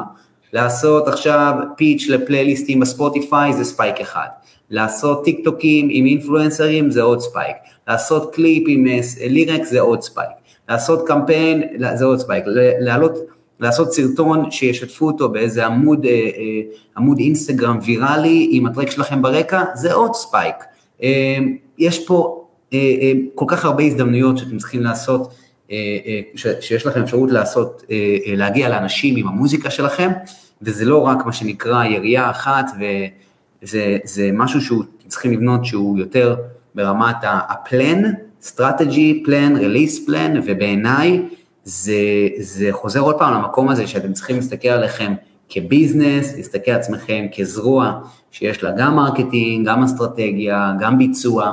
בעיניים שלי, יש לנו גם פרקים מלאים שמדברים על זה, מי ששמע את הפרק עם יותם דוב, הבן אדם פשוט לגמרי. פסיכופת של אסטרטגיה, פסיכופת של execution, זה בן אדם שאני מאוד מעריך בפן האישי, ו- ויש הרבה מה ללמוד ממנו, גם אה, דיבר, ניק דיבר הרבה על הדבר הזה של להסתכל על עצמך כ business ולעבוד עם אקסלים ולעבוד עם קולד uh, אאוטריץ', לשלוח מיילים, כל הדברים האלו, אז בעיניי בהסתכלות שלי, מה שאמרת עכשיו, זה משהו שהוא basic אה, אה, בעיניי, שאמור להיות לאומנים, ומי שלא עושה את זה, תתעוררו על עצמכם, אתם יושבים באולפן, משקיעים כל כך הרבה זמן במוזיקה, ובסוף איפה אנחנו מפשלים? בדבר הכי חשוב, להעמיד את המוצר בפני לקוחות, זה המוצר שלכם, איפה אתם מעמידים אותו בפני לקוחות? לגמרי, לגמרי, זה... זה, תשמע, זה, עד היום אני עובר את זה עם אנשים, זאת אומרת, אתה, אתה רואה את זה גם, אה, אה, ופה עוד פעם, פה אתה, אתה מבין למה, למה אותו אומן גדול הוא אומן גדול. כי הוא מצליח להחזיק פרסום לאורך אה, תקופה מאוד ארוכה. נכון, תמיד יהיה לו מה לפרסם, זה בשונה מאומנים צעירים. אבל אומנים צעירים אין מה לעשות, הם צריכים ללכת ולצלם סטים שלהם מנגנים על איזה הר, ולעלות משם קליפ של אותו שיר שיוצא עכשיו, ולעשות אלף ואחד דברים, אלף ואחד פעולות, שאין ברירה, כאילו, אה, נדירים הקטעים ש, שיוצאים, תופסים, וזהו, ואז האומן מתפוצץ ומרוויח מיליונים, אתה יודע, זה סיפור מהאגדות, זה קורה אחד, זה קרה בעשור האחרון אולי אה, פעם אחת או פעמיים למרטין גאריקס ועוד, גל, ועוד כמה אנשים. אתה מוצא את עצמך באיזשהו שלב, מקבל אימייל מבחור שהיה פה עכשיו באקספו לפני שבוע, בחור בשם אלסו. מה, תספר לי נכון. קצת איך דבר כזה קורה, איך הצוות של אלסו יוצר איתך קשר, מה הם רוצים ממך בכלל? באותה אה, תקופה זה היה בדיוק ב, במעבר בין, ה, בין הגרם בל אה, לפלורנטין.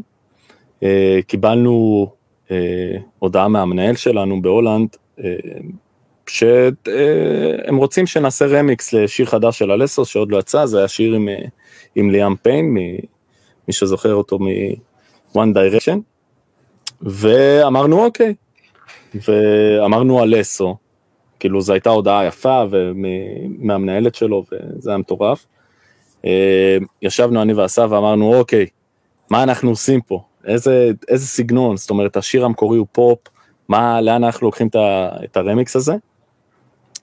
אה, ודרך אגב, זה אחד הדברים שכיוונו אותנו עם השם החדש, שכחתי לציין. זה אחד הדברים שכיוונו אותנו עם השם החדש. בגלל שזה היה פיק מאוד רציני, להתחיל עם השם ברמיקס לאלסו שיוצא ביוניברסל, אז אה, זה כיוון אותנו עם, ה, עם הקו החדש לשם של פלורנטין.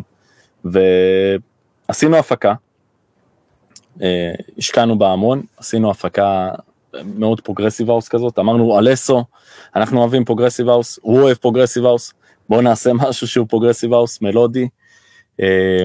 אה, עשינו הפקה כזאת, שלחנו אותה למנהל שלנו, אה, הוא ממש התלהב, כאילו, היה בעננים מזה, שככה יש כאן, כי הוא היה בטוח שנעשה איזה רמיקס כזה סבבה, משהו אה, שעדיין מזכיר את השם הישן, אבל הבאנו לו איזה יציאה שם. אה, והוא ישב עם, אה, עם אה, אותה מנהלת של אלסו וביחד עם אלסו, אמרו אוקיי שנייה, זה נשמע ככה גדול וסבבה, זה נשמע אש והכל טוב ויפה, אבל אם זה מתאים להיום באותה תקופה, בדיוק הקורונה התחילה, ואם זה נכון להוציא איזה קטע כזה פסטיבלי מטורף לשיר פופ.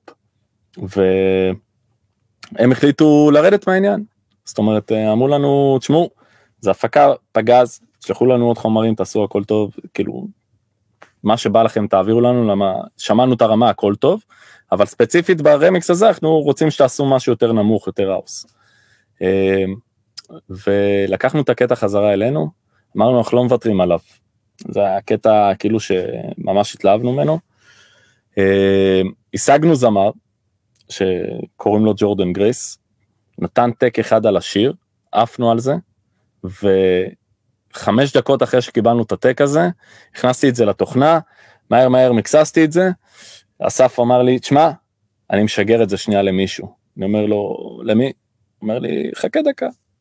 שיגר את זה, לא עבר, אמיתי לגמרי כל מה שאני אומר, לא עבר שלוש דקות, אה, אנחנו מקבלים הודעה חזרה, אה, It's amazing, אני אומר לו ממי זה, הוא מקריא לי את ההודעה, אני אומר לו מי זה, הוא אומר לי ארמין ון ביורן. אומר לו, שלחת את זה לארמין, זה קטע progressive. שלחת את זה לארמין? הוא, הוא מראה לי את ההודעה, הוא מסבב לי את הפלאפון, הוא אומר לי, כן. הנה, הוא אמר, it's amazing, let's work on it. בואו, ישר, עברנו לוואטסאפ, כמה ימים אחר כך כבר הצוות שלו, שזה בנו ועוד, אה, והמנהל שלו טאנר, כולם על השיר כבר, מתחילים לרוץ. אה, חששנו שיקרה לנו מה שקרה פעם שעברה עם ארמין, ש, שכבר רצנו איתו על שיר והוא נגנז בסוף. אבל uh, זה הוכיח לי שאם אתה מאמין במשהו, במיוחד במוזיקה שאתה, שאתם עושים, ש, כשאתה עושה משהו שהוא, שאתה כל כך סגור עליו, אז uh, גם אם אמרו לך לא במקום אחד, אתה, יודע, לא, לא עכשיו uh, uh, להתכנס בתוך עצמך ולהגיד זהו, הלכו לי החיים, הלך, זהו, בוא נפרוש, ואני מכיר הרבה אנשים ש, שלא מאומנים גדולים פשוט פירק אותם. Uh, ככה פתאום יצא שיתוף פעולה, שמבחינתנו זה הרבה יותר אטרקטיבי לעשות שיתוף פעולה עם ארמין מאשר רמיקס לאלסו. זה היה דריכת רגל אה, מאוד רצינית. ו... ועדיין שמרנו על קשר עם ההנהלה של הלסו, ועד היום אנחנו, אנחנו איתם בקשר ועובדים והכל טוב ויפה, זאת אומרת, אה, לא צריך אה, לחשוש מלא, זה המוסר השכל פה מה, מהדבר הזה. ש... וסוגרים לך דלת, ייפתח חלון, תרוץ אליו, בלי לפחד, ואני יכול לתת לך עוד כמה מקרים שקרו דברים כאלה. זה... זה מטורף, סיפור משוגע, אלו... זה, איזה זה, שמות. כן. ו... זה פסיכי, כי, כי אתה... צריך, צריך לדעת לקבל את הלא הזה, ו, ולהבין שגם אם אומרים לך לא, זה לא לאו דווקא כי לא אהבו את זה, יכול להיות שפתאום זה לא מתאים באיזה מקום מסוים כרגע בשלב שלו, של אותו אומן, אתה יודע. אה, והמזל אצלנו זה שבגלל שעשינו כל כך הרבה גורסט לאנשים, ואתה נתקל בהרבה לא כשאתה עושה גורסט, זאת אומרת אתה שולח את ההפקה ויש תיקונים, ובהתחלה הייתי מתעצבן מהתיקונים האלה, הייתי אומר לו מה, כאילו, שיחקתי אותה כאילו אני יודע הכל. ולאט לאט אתה מבין ש... שאותו אומן, יש לו את הקו חשיבה שלו, נכון שהוא לא יושב איתך על התוכנה ואתה יושב על התוכנה, אבל הוא, הוא סוג של מפיק, הוא יודע מה הוא רוצה, ו, ואתה צריך לשרת את זה ו, ולבוא אליו בצורה נכונה. זה גם יעזור לך יותר, וזה מה שעוזר, בסופו של דבר עזר לי לדעת גם לקבל לא, ולדעת לקחת את הלא הזה ו, ולהפוך אותו לכן אחר במקום אחר, ולפעמים גם גדול יותר. וזה קרה לנו כמה, כמה פעמים, ועוד פעם זה גם היה עם... אה, עם אותו הרכב שאו-טו-טו אנחנו הולכים אה, לשחרר איתם. זה גם כן היה... אה, שאסור לספר עליו, אבל אה, כן. אני רק אגיד שמי שלא מכיר, as we speak ברגע זה, לצמד פלורנטין יש שיר אחד עד עכשיו שהם שחררו, אם נכנסים לערוץ הספוטיפיי. כן, רק אחד. יש שם בערוץ הספוטיפיי שלהם כמעט 150 אלף monthly listeners, uh, as we speak, uh, וזה כמובן על uh, שיר אחד, כן? כאילו זה מה שקורה כרגע, אז תזכרו את השם הזה, אסף טוביה וגל אבוטבול, הם מה שנקרא פה להישאר, וזה ממש מרגש בעיניי, כאילו זה איזשהו תהליך שעוברים, אתה יודע, זה ממש הסבלנות וההבנה שיש פה איזשהו משהו שהוא ריצת מרתון, אנחנו מתקדמים ורצים, וגם הלא הזה, כמו שאמרת, זה אוקיי, הלא הזה הוא עוד אחד בדרך לכן. אה, בדיוק. כל פעם, כל פעם אני אומר את זה לאשתי, שכל פעם שמשהו קורה, אם עכשיו מחפשת עבודה, או שאנחנו מחפשים דירה, או, או משהו כזה, אז אוקיי, לא יסתדר, הכל טוב, זה עוד אחד בדרך לכן הבא, הכל בסדר. אנחנו רצים קדימה, וגם כן, אנחנו כן. לומדים מהדברים האלו המון המון דברים. אמ, אני חושב שלאורך העבודה שלך עם אומנים, אנחנו גם נדבר על הסדנה שלך אה, בהמשך, אבל לאורך העבודה שלך עם אומנים, אתה ראית הרבה הרבה סוגים של אומנים וטעויות. אמ, מה לדעתך הם הטעויות הכי נפוצות שאומנים או בתחילת דרכם, או אומנים מתקדמים עושים, שאתה רואה שהם אה, מה שנקרא, היית רוצה לשים שם את האצבע ולהעלות את הנושא הזה? הדבר העיקרי זה שהיום אה, אומנים, אה, מה שהם עושים, הם פשוט עושים קטע והם משגרים אותו ללייבל. עושים קטע והם משגרים אותו ללייבל. זה לדעתי אה, אחת הטעויות הגדולות. אה, צריך, היום אומן חדש צריך לבנות רפרטואר מאוד רציני, זאת אומרת צריך לבנות אקט, מאוד, בדיוק מי הוא, איך הוא נראה, מה הוא הולך לתת, איזה סגנון מוזיקלי לעשות ממש כמות של חומרים נכבדת. לבחור מהכמות חומרים הזאת את, ה, את אותם 4-5 אה, קטעים אה, שנשמעים הכי טוב והכי יצליחו, וללכת עם זה ללייבל. אבל ללכת עם, עם זה ללייבל ביחד עם ה press kit, וביחד עם התמונות, וביחד עם הקליפים, וביחד, הכל הכל הכל, ולתת את זה ללייבל. כשלייבל מקבל, ואתה כ, כבן אדם שעובד בשיווק, אה, יודע את זה בצורה מאוד... אה, כירורגית נקרא לזה, שאם עכשיו הגיע בן אדם ורוצה שאתה תשווק אותו, אה, ותגיד לו אוקיי, מה, מה, איזה מוצר יש פה, ורק הוא יציג את המוצר בלי אה, כל מיני דברים מסביב, או, או לא יודע מה, אין המשכיות, אז יהיה, יהיה לך מאוד קשה לעבוד איתו לתקופה ארוכה. אותו דבר איבל, ברגע ש-A&R מקבל קטע אחד מאומנים מתחילים, יגיד אוקיי, סבבה, קטע נחמד, יפה, מה הלאה? איפה הקטע הבא? אין קטע הבא. ואז גם ברגע שמחתימים קטע אחד, בסדר, נניח החתימו לכם קטע אחד בארמדה. אם תוך תקופה מאוד קצרה אתם לא מספקים את הקטע השני, אותו ANR יבין שאין עם מי לעבוד יותר מדי. והמצב שהוא יגיד לכם כן בפעם הבאה יהיה הרבה יותר נמוך, בגלל זה חייב להגיע עם כמות קטעים, לשים אותה על השולחן, לבקש אפילו פגישה, אה, להיפגש עם A&R בפנים מול פנים, זה משהו הרבה הרבה הרבה יותר טוב מאשר אה, אה, לעבוד במיילים.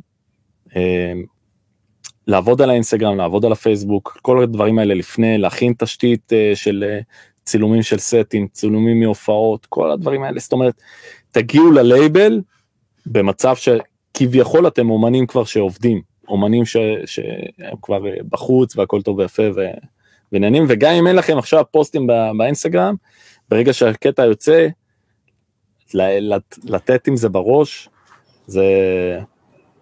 זאת אומרת, חייב להכין אבל את הקרקע לפני, לא להתחיל לעלות, אה, מה שקורה להמון אומנים זה שהם מוצאים קטע, ואתה תראה, אוקיי, עטיפה, וזהו, נגיד באינסטגרם, או איזה משהו כזה, ואין להם מה לשווק.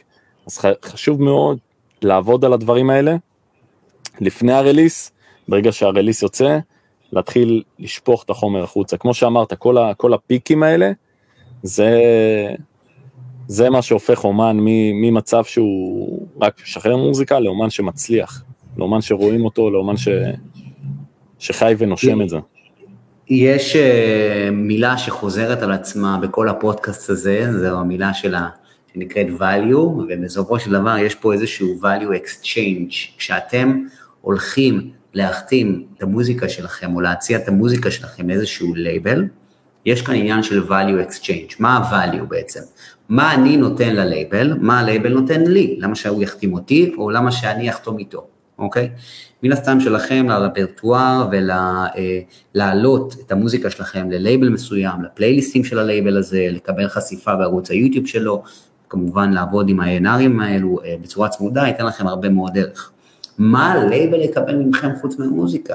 זו שאלה שאתם צריכים לשאול את עצמכם בכל טרנזקציה שאתם עושים, מה אנחנו בעצם נותנים? עכשיו, אם יש לכם על הדרך איזשהו ערך מוסף שאתם יכולים לתת, כמו mailing list, או פלייליסטים שאתם יצרתם, או אה, קהילה שאתם יכולים לפרסם את המוזיקה הזאת, או יש לכם mailing list של די-ג'אים שהולכים לנגן את המוזיקה הזאת, זה ערך מוסף. אני חושב באופן אישי שאתם צריכים תמיד תמיד לקחת את המקומות האלו של להסתכל עליי כמוצר, ומה הערך שאני נותן ללייבל הזה אה, מעבר למוזיקה עצמה. אה, יש סיבה שהמוז... שהלייבל הזה יחתים אתכם, אה, אם אתם נראים טוב ברשת, אם, אם אתם עכשיו עם סרטונים ויראליים והמוזיקה שלכם נשמע טוב, זה יעלה את הסיכויים שלכם להחתים אה, את, לקבל החתמות טובות יותר ולקבל הזדמנויות טובות יותר, כי אתם עושים תוכן כמו משוגעים, אה, והיום מי שעדיין לא הבין את זה, התוכן הוא המלך, מי שלא מייצר תוכן, תתעוררו על עצמכם, תייצרו תוכן, הנה מה שאני עושה עכשיו, לגמרי. מה שגל עושה עכשיו, אנחנו פשוט מייצרים תוכן, אה, ובסופו של דבר שאתם מייצרים תוכן שהוא אתם, זה משהו שאי אפשר לזייף אותו, כלומר, זה משהו ש...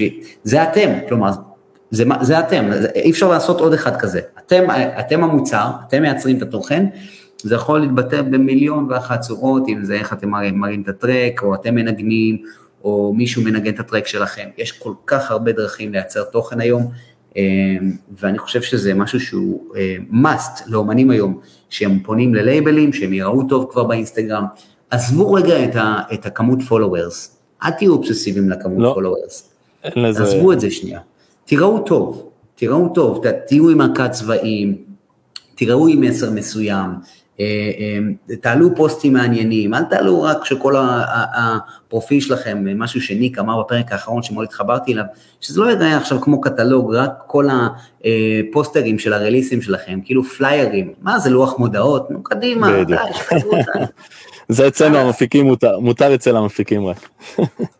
אה, כן, אז, אה, אז, אז זה בנושא הזה. אני רוצה, דיברת על נושא של ניהול יומיומי, אני חושב שזו נקודה שהיא סופר קריטית, אני באופן אישי אה, מאוד מתחבר לנושא הזה של ניהול יומיומי. בוא תיתן לנו כמה מילים על הנושא הזה, אני חושב שהוא סופר קריטי.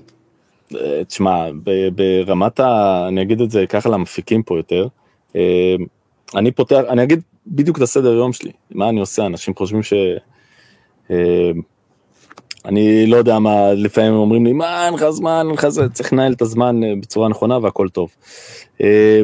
אני קם בבוקר, אה, שוטף פנים, מתפלל, מגיע לאולפן, יושב עם כוס קפה, קורא כמה דקות אה, חדשות, דבר ראשון פותח את האימייל, פותח, אה, אשתי, אם היא רשמה איזה משהו ביומן, אם אוהד, השותף שלי בסדנה, אם הוא כתב איזה משהו גם כן ביומן, עובר על הדברים האלה שנייה אחת, ומתחיל לבדוק מה, בונה לעצמי לוז בעצם, אם זה לאותו יום או לאותו שבוע, מה אני הולך לעשות, אם זה ברמה, אצלי זה קצת שונה מאנשים אחרים, כי אני כביכול יש לי את הקליינטים שלי ואני צריך אה, לספק אה, את הדדליינים, את החומרים עד הדדליינים שיש, אה, אבל ברמת האומן, זה למשל לי ולאסף יש יום קבוע בשבוע שאנחנו יושבים, כל זמן אחר שיש לי, אני פשוט, אני נותן עבודה מהצד שלי ואסף נותן עבודה מהצד שלו, אבל יש לנו את היום בשבוע שאנחנו מספיקים בו הכל,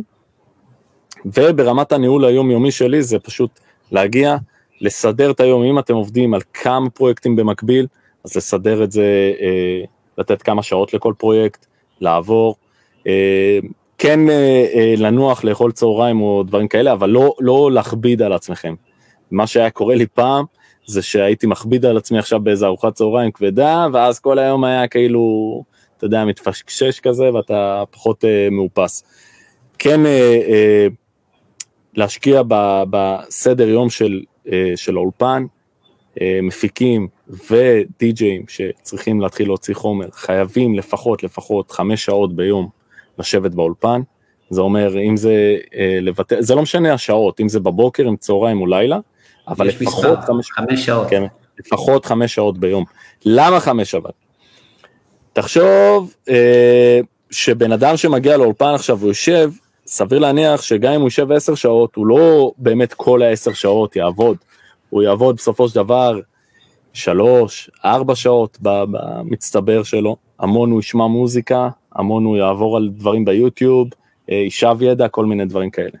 אה, צריך חמש שעות של, אה, יודעים מה, אפילו ארבע, ארבע שעות של עבודה אינטנסיבית בתוכנה, זה, זה חייב. להוריד אה, את הכמות אה, חומר שאתם שואבים מהיוטיוב להוריד משמעותית, זה תוקע המון אומנים, ואני רואה את זה אה, לאורך השנים עם המון תלמידים. נקודה חשובה. כן, מאוד חשובה. ברגע שנשאבים ל- ל- לסרטוני ידע, זה אוכל לך את היום, אנשים פשוט לא עובדים בתוכנה, הם נכנסים לסרטונים האלה ונון סטופ, עוברים מסרטון לסרטון, אז לא לעשות את זה. אין בעיה, אם נתקעתם במשהו בתוכנה, לכתוב את מה שנתקעתם ביוטיוב, קבל את הסרטון של השתי דקות הסבר, ולחזור לתוכנה. לא להתחיל להישב לסרטוני ידע אה, ארוכים מדי, כי זה פשוט אה, ממכר ואנשים אה, לא נכנסים אה, חזרה לתוכנה ולעבוד, וזה אני אומר את זה בוודאות לאורך השנים עם המון אנשים. זה נקודה שאף אחד לא דיבר עליה אף פעם, זו נקודה מאוד מאוד חשובה. אנחנו נמצאים בעידן של too much information. מה זה אומר? זה אומר שאתה יכול ללמוד ובתיאוריה עכשיו לשבת ולבלות שעות, להבין את הבלאגינים הכי מורכבים וכל הדברים הכי חדישים והכל, בסוף מה שכחת הדבר הכי חשוב, execution, הוצאה לפועל, לגרום לדברים. לקרות. כי בסופו של דבר אנחנו אה, יצורים אה, חיים שאנחנו מקבלים מוטיבציה מלגרום לדברים לקרות. זה שאתם רק תלמדו, אתם לא תייצרו התקדמות. זה שאתם תלכו ותיישמו, אתם תייצרו התקדמות, זה שעכשיו סיימתם איזושהי מלודיה, וזה שלמדתם, על, אה, אה, התחלתם לעבוד על פלאג חדש, והוצאתם רליס ראשון, זה מייצר התקדמות יותר מאשר שתשבו עכשיו ותתמקצעו בעיניי. הנה, כמו שעכשיו דיברת על איך שהתחלת, בשנת 2000 אה, לא היה יוטיוב, לא היה כלום, ישבת כן, עם התחת כן. וקראת את התחת, זה ככה למדת. והדבר הבא זה בעצם, אם כבר אנשים יושבים ומתחילים זה, לדעת לשחרר גם מה, מהפרפקציוניזם הזה שיש להמון אומנים. לדעת מתי, די, סיימת את הקטע, שחרר אותו, תן לאחרים לשמוע, תקבל את הפידבק. כמובן, לא לשלוח ליותר מדי אנשים, זה גם כלל, כי אה, אתה, כשאתה מקבל יותר מדי פידבקים על, על, על המוזיקה שעשית, אתה יכול לאבד את זה. אה, לשלוח את זה לשתיים שלוש אנשים שאתה מקשיב להם, שאתה אוהב את הדעה שלהם ולהתקדם הלאה, להתחיל לשחרר את המוזיקה, וכמובן לעשות כמות של חומרים, יש אצלנו בסדנה חוק שנקרא חוק השלוש, אתה עושה אה, קטע ראשון, סביר להניח, ואני אומר את זה פה לכולם, סביר להניח שהקטע הראשון יהיה העתקה של קטע אחר. הקטע השני יהיה העתקה של הקטע הראשון, הקטע השלישי יהיה איזה סוג של החלאה בין משהו חדש להעתקה של הקטע השני, והקטע הרביעי הוא כבר שלך, עם מוטיב שלך, ותיקחו כל אומן אי פעם בהיסטוריה, ואתם תראו שיש סדר מסוים לדברים, ואתם תראו איך הוא יצר לעצמו את הקו, מהשיר הראשון שהוא הוציא, שהשיר הראשון היה העתקה. אז זה אצלנו נקרא חוק השלוש. אה, אז בעצם, אה, עד שלא תשחררו את המוזיקה, אתם לא תתחילו בכלל את חוק השלוש. זאת אומרת, לא תהיה איזו התקדמות קדימה. מהשחרור הראשון, אז זה מתחיל. ועוד פעם, לנהל את הזמנים נכון, ארבע שעות באולפן, עבודה, זאת אומרת, תהיו שש, שבע שעות, שמונה שעות באולפן, אבל בטוטל בתוכנה ארבע שעות זה, זה מעולה, זה די ויותר. אה, לסיים מוזיקה, לסיים קטע, לסיים מיקס, לא משנה מה. אה, וזהו, לא, אה, גם לא להישאב למצב שאתם עובדים 12 שעות באולפן, כי זה מוגזם, האוזן כבר לא טריה, היא לא, היא לא יודעת מה נכון ולא נכון, ולא להישאב לסרטונים ביוטיוב, ללמוד, לדעת מאיפה לקחת את הידע גם. אם אתם רוצים לשאוב ידע ממקום מסוים, לדעת מאיפה לקחת אותו ממקור נאמן ושיש לו שיש לו קבלות. וזהו, ליצור אה, אחר כך את הפרסקיט, ליצור את כל הדברים האלה, זה, זה התחום של אה, שחר, אלוף בדברים האלה. תקשיבו, תראו את כל הפודקאסטים האחרים. ליצור את כל הדבר הזה, לבנות את זה, לבוא, לפנות לינארים, תבקשו מיילים, נשלח לכם מיילים, אין בעיה עם הדבר הזה, זה שטויות. לשלוח, לבקש פגישה, להגיע ולהתחיל להניע את העסק הזה כמו שצריך קדימה. אחד הדברים שדיברת איתי עליהם זה אה, איזושהי אנלוגיה, כמו סוס מרוץ. אתה כן. רוצה לתת אה, אה, כמה מילים על זה? כן, זה, זה רז ניצן אז הסביר לי את זה בצורה מאוד יפה. ישבנו באמסטרדם ודיברנו ככה על, אני סיפרתי לו על הלקוחות שלי והוא סיפר לי על הלקוחות שלו כי הוא גם מפיק וכותב. ואז התחלנו לדבר על מה הבעיה של אומן כאומן. זה אחת הבעיות הכלליות זה שאנחנו מוציאים מוזיקה ואנחנו לא מתפקסים, זאת אומרת, מחר דויד גטה הוציא משהו שמאוד תפס, אז כולם רצים לעשות אותו, את כל הפיוטשרים, ומחרתיים אה, ארטבאט מוציאים משהו וכולם רצים לזה, ואנימה מוציא משהו וארמין ולא משנה. זאת אומרת, אומן מוציא משהו והוא מתחיל אה, לברוח למלא כיוונים, אז הוא אמר לי, תשמע, אומן זה צריך להיות כמו סוס אה, מרוץ, כששמים לו את הדבר הזה ככה פה, הוא לא רואה את הסוסים האחרים, הוא יודע לרוץ רק למטרה שלו, וככה אומן צריך להיות. הוא נתן לי אה, דוגמה מאוד יפה את Eric Prydz, שעד היום כבר בערך 14-15 אה, שנה, הבן אדם לא שינה אפילו את ה drum kit שלו, זאת אומרת, ה rhythm section שלו, אותו rhythm section, אותו kick, אותו snare, הוא לא משנה את הכיוונים, ותראה, הוא כל הזמן בעלייה, כל הזמן הוא פורח ו- ופורץ החוצה, וזה זה, זה מבחינתי ה... המנטריות של איך, איך אומן צריך להיות, הוא צריך לשאוף למקום אחד, לראות לשם את כל החצים שלו, לא להתפזר, לא לראות לכל הכיוונים ומה פגע, ואז אה, לראות למקום אחד, ובסוף החור שיקרה שם, זה יפרוץ את הדרך כמו שצריך. מדהים, ממש אוהב את זה. אנלוגיה מדהימה, מה שנקרא, ללכת uh, קדימה ולהאמין ב... זה של רז, זה של רז. Uh, ממש אהבתי. אם אני יכול לשאול אותך, אה, כמובן אנחנו לקראת סיום, מי שיש לו שאלות חברים, זה הזמן ללכת לצ'אט ולכתוב לנו את השאלות שלכם, אני מניח שיהיה לנו כמה דקות לענות את השאלות, אז מי שרוצה ויש לו שאלה, זה הזמן לכתוב בצ'אט. אה, אני רוצה לשאול אותך גל, באמת, ברמה של שורה תחתונה, אם אתה עכשיו יכול לתת טיפ לאמן, טיפ לאיזה מיוזיק פרודוסר בתחילת דרכו, מה היית אומר לו? לשבת לעשות אה, אה, מספיק חומרים, זאת אומרת, אה, לקחת, לקחת, קודם כל לקחת בחשבון שזה עסק שלפחות ייקח שנתיים עד שהוא מתחיל לקרות. זה לא, לא, זה לא קורה כזה מהר, זה לא חנות עכשיו שישר אתה מוכר פלאפל וישר אתה רואה את הרווח, אין את זה פה. זה ייקח תקופה. גם מבחינת התמלוגים, מבחינת הכסף, כל הדברים האלה לוקחים להם המון המון זמן, עד שהם מגיעים אליך. אז קודם כל לקחת את זה בחשבון, שזה עסק לטווח הארוך, זה לא עסק לטווח הקצר. אה, אומנים של מוזיקה אלקטרונית, זה אף פעם לא לטווח הקצר. זה תמיד לטווח הארוך וצריך לבנות את זה כמו שצריך. אה, לשבת על מוזיקה, לבחור קו, להתייצב עליו, אבל להבין שהקו שיהיה לכם, זה, הוא יהיה רק אחרי שהמוזיקה תצא. כל מה שיש במגירה זה טוב ויפה, ברגע שהמוזיקה יצאה ואז יש ריאקשן מהקהל, זה הקו שייבנה לכם. זאת אומרת, אה, כמו שאמרתי לפני זה, חוק השלוש קורה מהרגע שהמוזיקה בחוץ. הקטע הראשון יצא, עושים את הקטע השני, קטע שלישי, אסור להתפזר. ובקטע הרביעי כבר יש לכם קו, אתם זה הקו שלכם, קייגו יצר את הקטע, את הקו שלו אחרי מספר קטעים, אביצ'י יצר את הקו שלו אחרי מספר קטעים, לא על הקטע הראשון.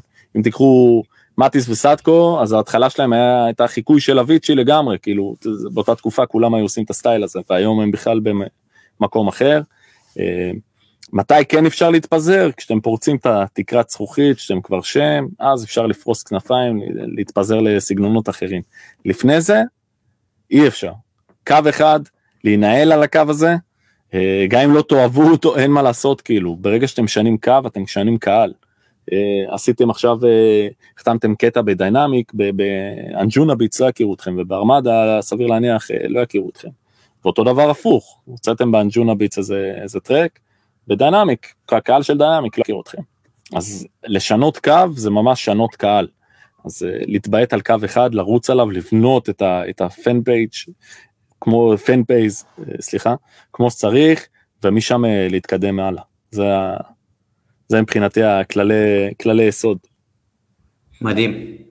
מי שלא שמע, אה, מי ששמע את מה, ש, מה שהוא אמר עכשיו, אתם יכולים ללכת אחורה בספוטיפיי ולשמוע את זה עוד פעם, כי אני חושב שצריך לשמוע את זה כמה פעמים כדי שזה ייקלט, כי אמרת פה הרבה הרבה מאוד דברים שהם מאוד מאוד משמעותיים, והרבה פעמים אנחנו בתור בני אדם מחפשים את הקיצור דרך, כי הכל נראה מהר יותר, הכל נראה קל יותר, אז uh, יש פה הרבה הרבה uh, מה שנקרא value, כמו שהם עוברים לומר. מי שנשאר איתנו עד עכשיו, תודה רבה, כי עכשיו אנחנו עוברים לשלב של, uh, של השאלות. Uh, יש לנו כאן uh, שאלה מגיא ששואל, uh, בהרכב החדש שלכם, פלורנטין, אתם מתכננים גם להופיע, או שאתם מתכננים רק להפיק? השנה אה, קיבלנו כמה הצעות אה, גם מחו"ל אה, להופעות, אמרנו אוקיי שנייה אחת אנחנו מתפקסים ככה על הקו שלנו כמו שצריך ו... וכבר שנה הבאה אנחנו ניכנס כן אנחנו חייבים להופיע זה שנה הבאה יקרה גם חתמנו עם סוכנות מאוד חזקה ועם בן אדם שאנחנו מאוד מעריכים ומעריצים אז ככה שיש לנו את הגב הזה ואנחנו כן זה אנחנו בונים את זה לשם. לשם זה הולך. יאללה, אולי אה, גם אה, באחת ההופעות שאנחנו נעשה, בעזרת השם. בעזרת השם. אה, נועם שואל, האם תעשה בעתיד סרטוני breakdown לטרקים שלך? אני, הוא כותב, אני אישית מאוד רוצה לראות איך הדברים נוצרו. ב- כן, אנחנו נעשה, שייתן הצעות, אנחנו, זה יקרה. אין, אוקיי, אין לי בעיה, אנחנו, אני פותח את התלמידים שלי יודעים, יש להם stem ים של פרויקטים עם רובין שולץ וסם מרטין ודברים כאלה, אין, אין לי בעיה, אנחנו לא, לא חוסכים בדברים האלה. שאלה שאני רוצה לשאול, מה דעתך על הרמה של הסצנה בישראל ברמת המפיקי מוזיקה שיש לנו פה בישראל? יש לנו מפיקי, מפיקי על, בארץ לדעתי, אנשים פה, במיוחד בשנתיים האחרונות זה נהיה מטורף לגמרי. אה, גם, גם ברמת הפופ, אה, מה שיוצא במוזיקה, אה, הפופ הישראלי הוא גם התחיל לצבור תאוצה, ההפקות נהיו יותר ברמה, וגם במוזיקה האלקטרונית בכלל אין מה לדבר, יש פה מלא גוסטרים ומלא מפיקים תותחים, ו... לא חסר באמת, זה, זה, אני יכול לזרוק לך שמות שכולם מכירים, כן, אבל uh, דווקא אני אתן שמות שאתם תכירו בעתיד, יש לי כמה תלמידים, uh, uh, בחור בשם uh, נדב בראלי, מבחינתי עילוי הבן אדם, הוא הולך להיות מעצמה. Uh, ליאב uh, שלום, השם במה שלו זה רפאל, ועידן רחמי, ורון אלפרין, וביטווינס, שזה הרכב שעכשיו חתם בארמדה. ואוהד זכאי, השם שלו זאק אבנס, ובאמת יש שמות, אתם הולכים לעוף, יש את, אה, יש אה, את אה, קובי מלכה, ג'קוב, שהוא כבר מתחיל לפרוץ פה דרך. וכמובן כל השמות הגדולים שאתם מכירים כבר, דוויני ויצ'י, מאור לוי, יואל לואיס ושמות כאלה, אבל אותם פחות, לא צריך להזכיר כי כולם מכירים אותם, אבל יש מפיקים באמת ברמה סופר סופר גבוהה בארץ, זה, זה מטורף. אני כל פעם מגיע, אני יושב עם אנשים ואני אומר לעצמי, כמה, כמה אני לומד מהם, כאילו, למרות כל השנים שלי בעבודה ובעשייה ובדברים האלה, ואני לא מפסיק אה, להתפאר ולהתפעל ממה שהם עושים, זה מדהים אותי. חייב להסכים איתך, יש פה בעיניי אה, חבורה מטורפת של אה, כאילו הקליקה פה שנוצרה של מפיקי מוזיקה והקהילה, ואני חושב שבשנה, שנתיים האחרונות במיוחד ראינו איזשהו תהליך שנעשה פה, שאנשים מתחילים להרים אחד את השני, שבעיניי זה פשוט ממש, ממש. אה, ואני שמח שהדבר הזה קורה, כי זה משהו שהיה חסר בעיניי. זה, זה כיף לראות את זה, כן. פעם ראינו את השוודים עושים את זה ואמרנו וואי השוודים הם ככה וככה ופה אתה רואה יש לי תלמיד אה, אה, שקוראים לו אור סטמאס והוא עושה דברים אה, מופלאים והוא עוזר למישהו אחר כי הוא חתם עכשיו באנגליה אז הוא מושך איתו מישהו אה, ועוד מישהו קוראים לו Last Night שהוא גם כן חתם בגרמניה וברגע שמושכים אחד את השני ויוצרים איזה קהילה כזאת מגובשת זה זה שווה הכל זה, זה כיף לראות את זה. זה מדהים ואני חייב להגיד שחבר'ה תמשיכו תמשיכו בווייב הזה ותמיד תהיו ב mindset שהוא מאוד מאוד בריא ב mindset של אם אני עכשיו לצורך העניין, כמו שאמרת, אני נותן את המייל של, של ה agency או של הלייבל כן, לא צריך להתבייש בזה.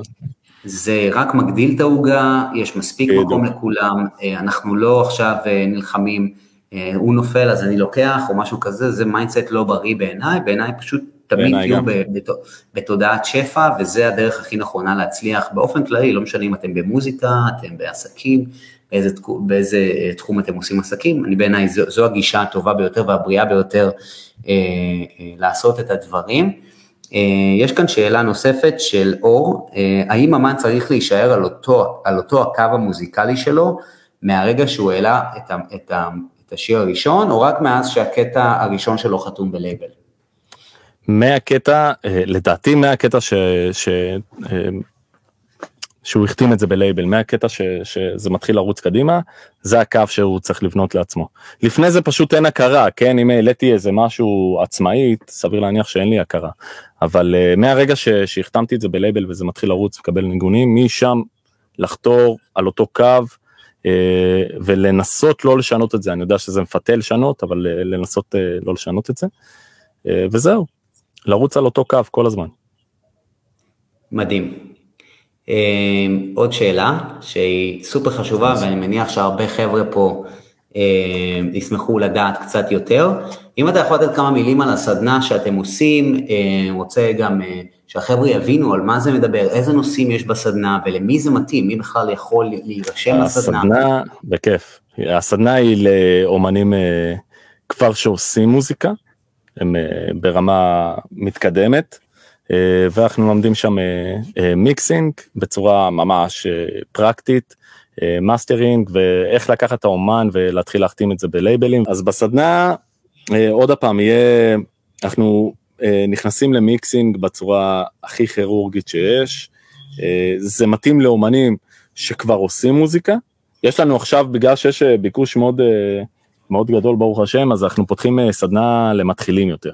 שסדנה למתחילים זה יהיה הפקה, איך, אה, איך ניגשים להפקה, אה, לומדים את התוכנות קצת יותר ודברים כאלה, אבל הסדנה, המאסטר קלאס האמיתית שרצה זה הסדנה של, ה, של mixing, עד הסוף עבודה עם קומפרסורים ולהגיע לתוצאות קצה, מאסטרינג, גם כן לעבוד עם פלאגינים בבית ולהגיע לתוצאות שהן לא מביישות אף אומן ו, וטמפלטים שאנחנו מסבירים אה, גם מאסטרינג אה, שעשינו לאומנים מאוד גדולים, איך לעשות את זה במחשב הפרטי בבית ולהגיע עם זה אה, עד הסוף לאיזה לייבל שתרצו ו, ולהתקדם עם זה הלאה עד הסוף. אז יש לנו את כל הפרטים של, ה, של הסדנה ב, באתר מסוים ו... בוא, בוא תגיד באמת למי שרוצה, למי שרוצה לקבל קצת יותר פרטים, למי הוא שולח הודעה? אז אה, יש, אה, כן, בפייסבוק יש אה, גל אבוטבול master class, זה עמוד, ברגע שאתם נכנסים אליו, ישר יש הודעה אוטומטית שקופצת, ו... ואתם מקבלים את ה... משם את המידע, אנחנו נמצאים שם, אני, אוהד ואסף, משם מתקדמים הלאה. יש לנו קורס שנפתח אותו, קורס שעכשיו רץ, אנחנו כבר שיעור שלישי, וקורס שנפתח ב... בתחילת אוגוסט, שהוא גם מלא, אבל ההרשמות הבאות כבר ספטמבר אנחנו חצי כיתה, אז לשם יהיה מקום, ולאוקטובר גם כן חצי כיתה. אז יש לנו... אני, אני, אני, ממליץ, אני ממליץ ללמוד מאנשים שעשו את זה. אז זה, זה מה שיש לי לומר, חברים, כאילו, בואו... אולי, בוא אולי שחר, כשהוא, כששחר יבוא מלוס אנג'לס, בעזרת השם, אה, ייתן איזה הרצאת אה, אורח שם על אה, איך לעשות את זה בגדול. איזה אלוף, תודה רבה.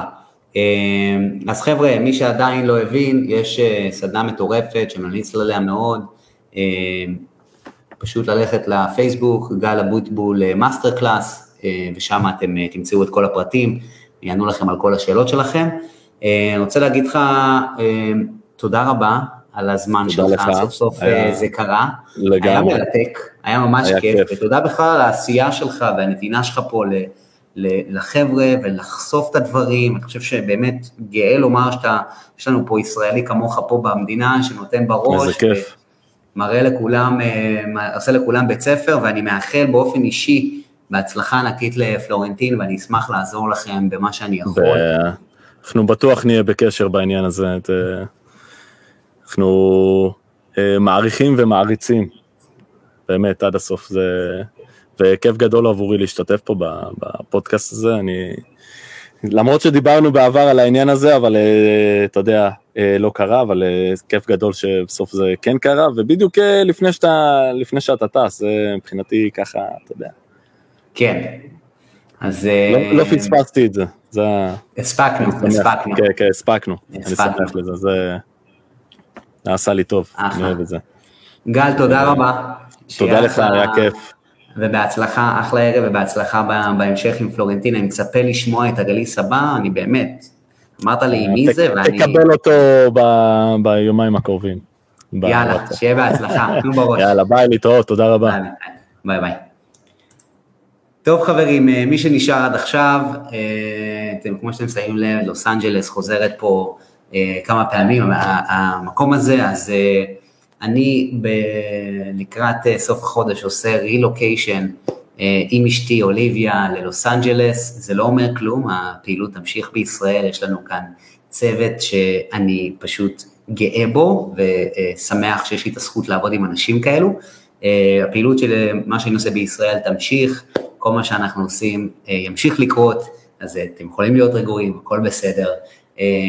נלך ככה לתקופה של אה, שנה-שנתיים ל-LA עם אשתי, אה, לעשות רילוקיישן, אה, זה בעיקר קשור לדברים שאוליביה צריכה לסדר שם בהקשר למקצוע שלה.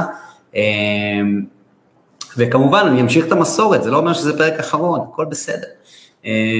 אני הולך להתארח גם בפודקאסט של חיי הלילה של נאריז, מי שלא מכיר פודקאסט חיי הלילה של נאריז, ממליץ לשמוע. לדעתי הפרק יוקלט שבוע הבא ויעלה במהלך אוגוסט, מוזמנים לשמוע אותו. אה, אני התחלתי כבר אה, אה, לקבל הרבה הרבה פניות מאומנים על כל הנושא של רליס, ואני יודע שזה משהו שהרבה הרבה אומנים מתקשים בו, איך אני עכשיו מקדם את הרליס שלי, איך אני מוודא שאני עושה את כל הדברים הנכונים כדי לשים את המוצר, את המוזיקה שלי, מול האוזניים הנכונות, מול העיניים הנכונות, העיניים הרלוונטיות, איך אנשים בעצם ייחשפו למוזיקה שלי בצורה חיובית. אה, אז בעקבות זה שפניתם אליי, ופניתם אליי כל כך הרבה, אה, החלטתי לעשות איזשהו אה, מיני קורס שמדבר על איך אני עכשיו גורם ל release שלי להצליח ולהגיע לאנשים הנכונים ולהגיע להאזנות רלוונטיות, ומי שרוצה לקבל על זה פרטים מוזמן לשלוח לי הודעה בפרטי, זה בעצם הקורס ל release ככה קראתי לזה, אה, ויש שם בעצם checklist ענק שמדבר על כל העולמות של אונליין אה, campaigns, על branding, על strategy וכל הדברים האלו. אתם מוזמנים לשלוח לי הודעה לפרטים, מי שרוצה לשמוע על זה יותר פרטים. מי שנשאר עד עכשיו רוצה להגיד לכם באמת תודה רבה, אתם באמת מדהימים עם ההודעות שאתם כותבים לי. אם קיבלתם היום ערך מהפרק, מיגל, ממני, אני אשמח מאוד שתיקחו שנייה רגע ותשימו חמש כוכבים בספוטיפיי, אני יודע שנפתח האופציה לעשות דירוגים, יש לי אלפי מאזינים, אני מניח שלא כולם יודעים שנפתחה האופציה לעשות חמש כוכבים, זה יעזור לי מאוד, זה יחשוף את הפודקאסט לאנשים חדשים, אני מאוד מאוד משקיע בפודקאסט והוא מאוד חשוב לי, זה הדרך שלכם, מה שנקרא טיפה להחזיר לי, ואם יש לכם חברים שאתם מרגישים שזה ייתן להם ערך, זה הזמן לשתף אותם. עם הפודקאסט, יש פה עשרות פרקים שיעשו להם, מה שנקרא, ייקחו אותם כמה שלבים קדימה, אוהב אתכם, תודה רבה על הזמן שהגעתם, ויאללה, שיהיה לכם בהצלחה. נתראה. תודה רבה שהקשבתם לפרק הזה. אם אהבתם את הפרק, שתפו אותו עם חבר או חברה מהתעשייה. גם כי זה עוזר לפודקאסט לגדול ולהגיע ליותר אנשים, וגם כי זו הזדמנות שלכם לעזור לאנשים שסובבים אתכם להתקדם. זהו לבינתיים, שתהיה לכם המשך האזנה נעימה.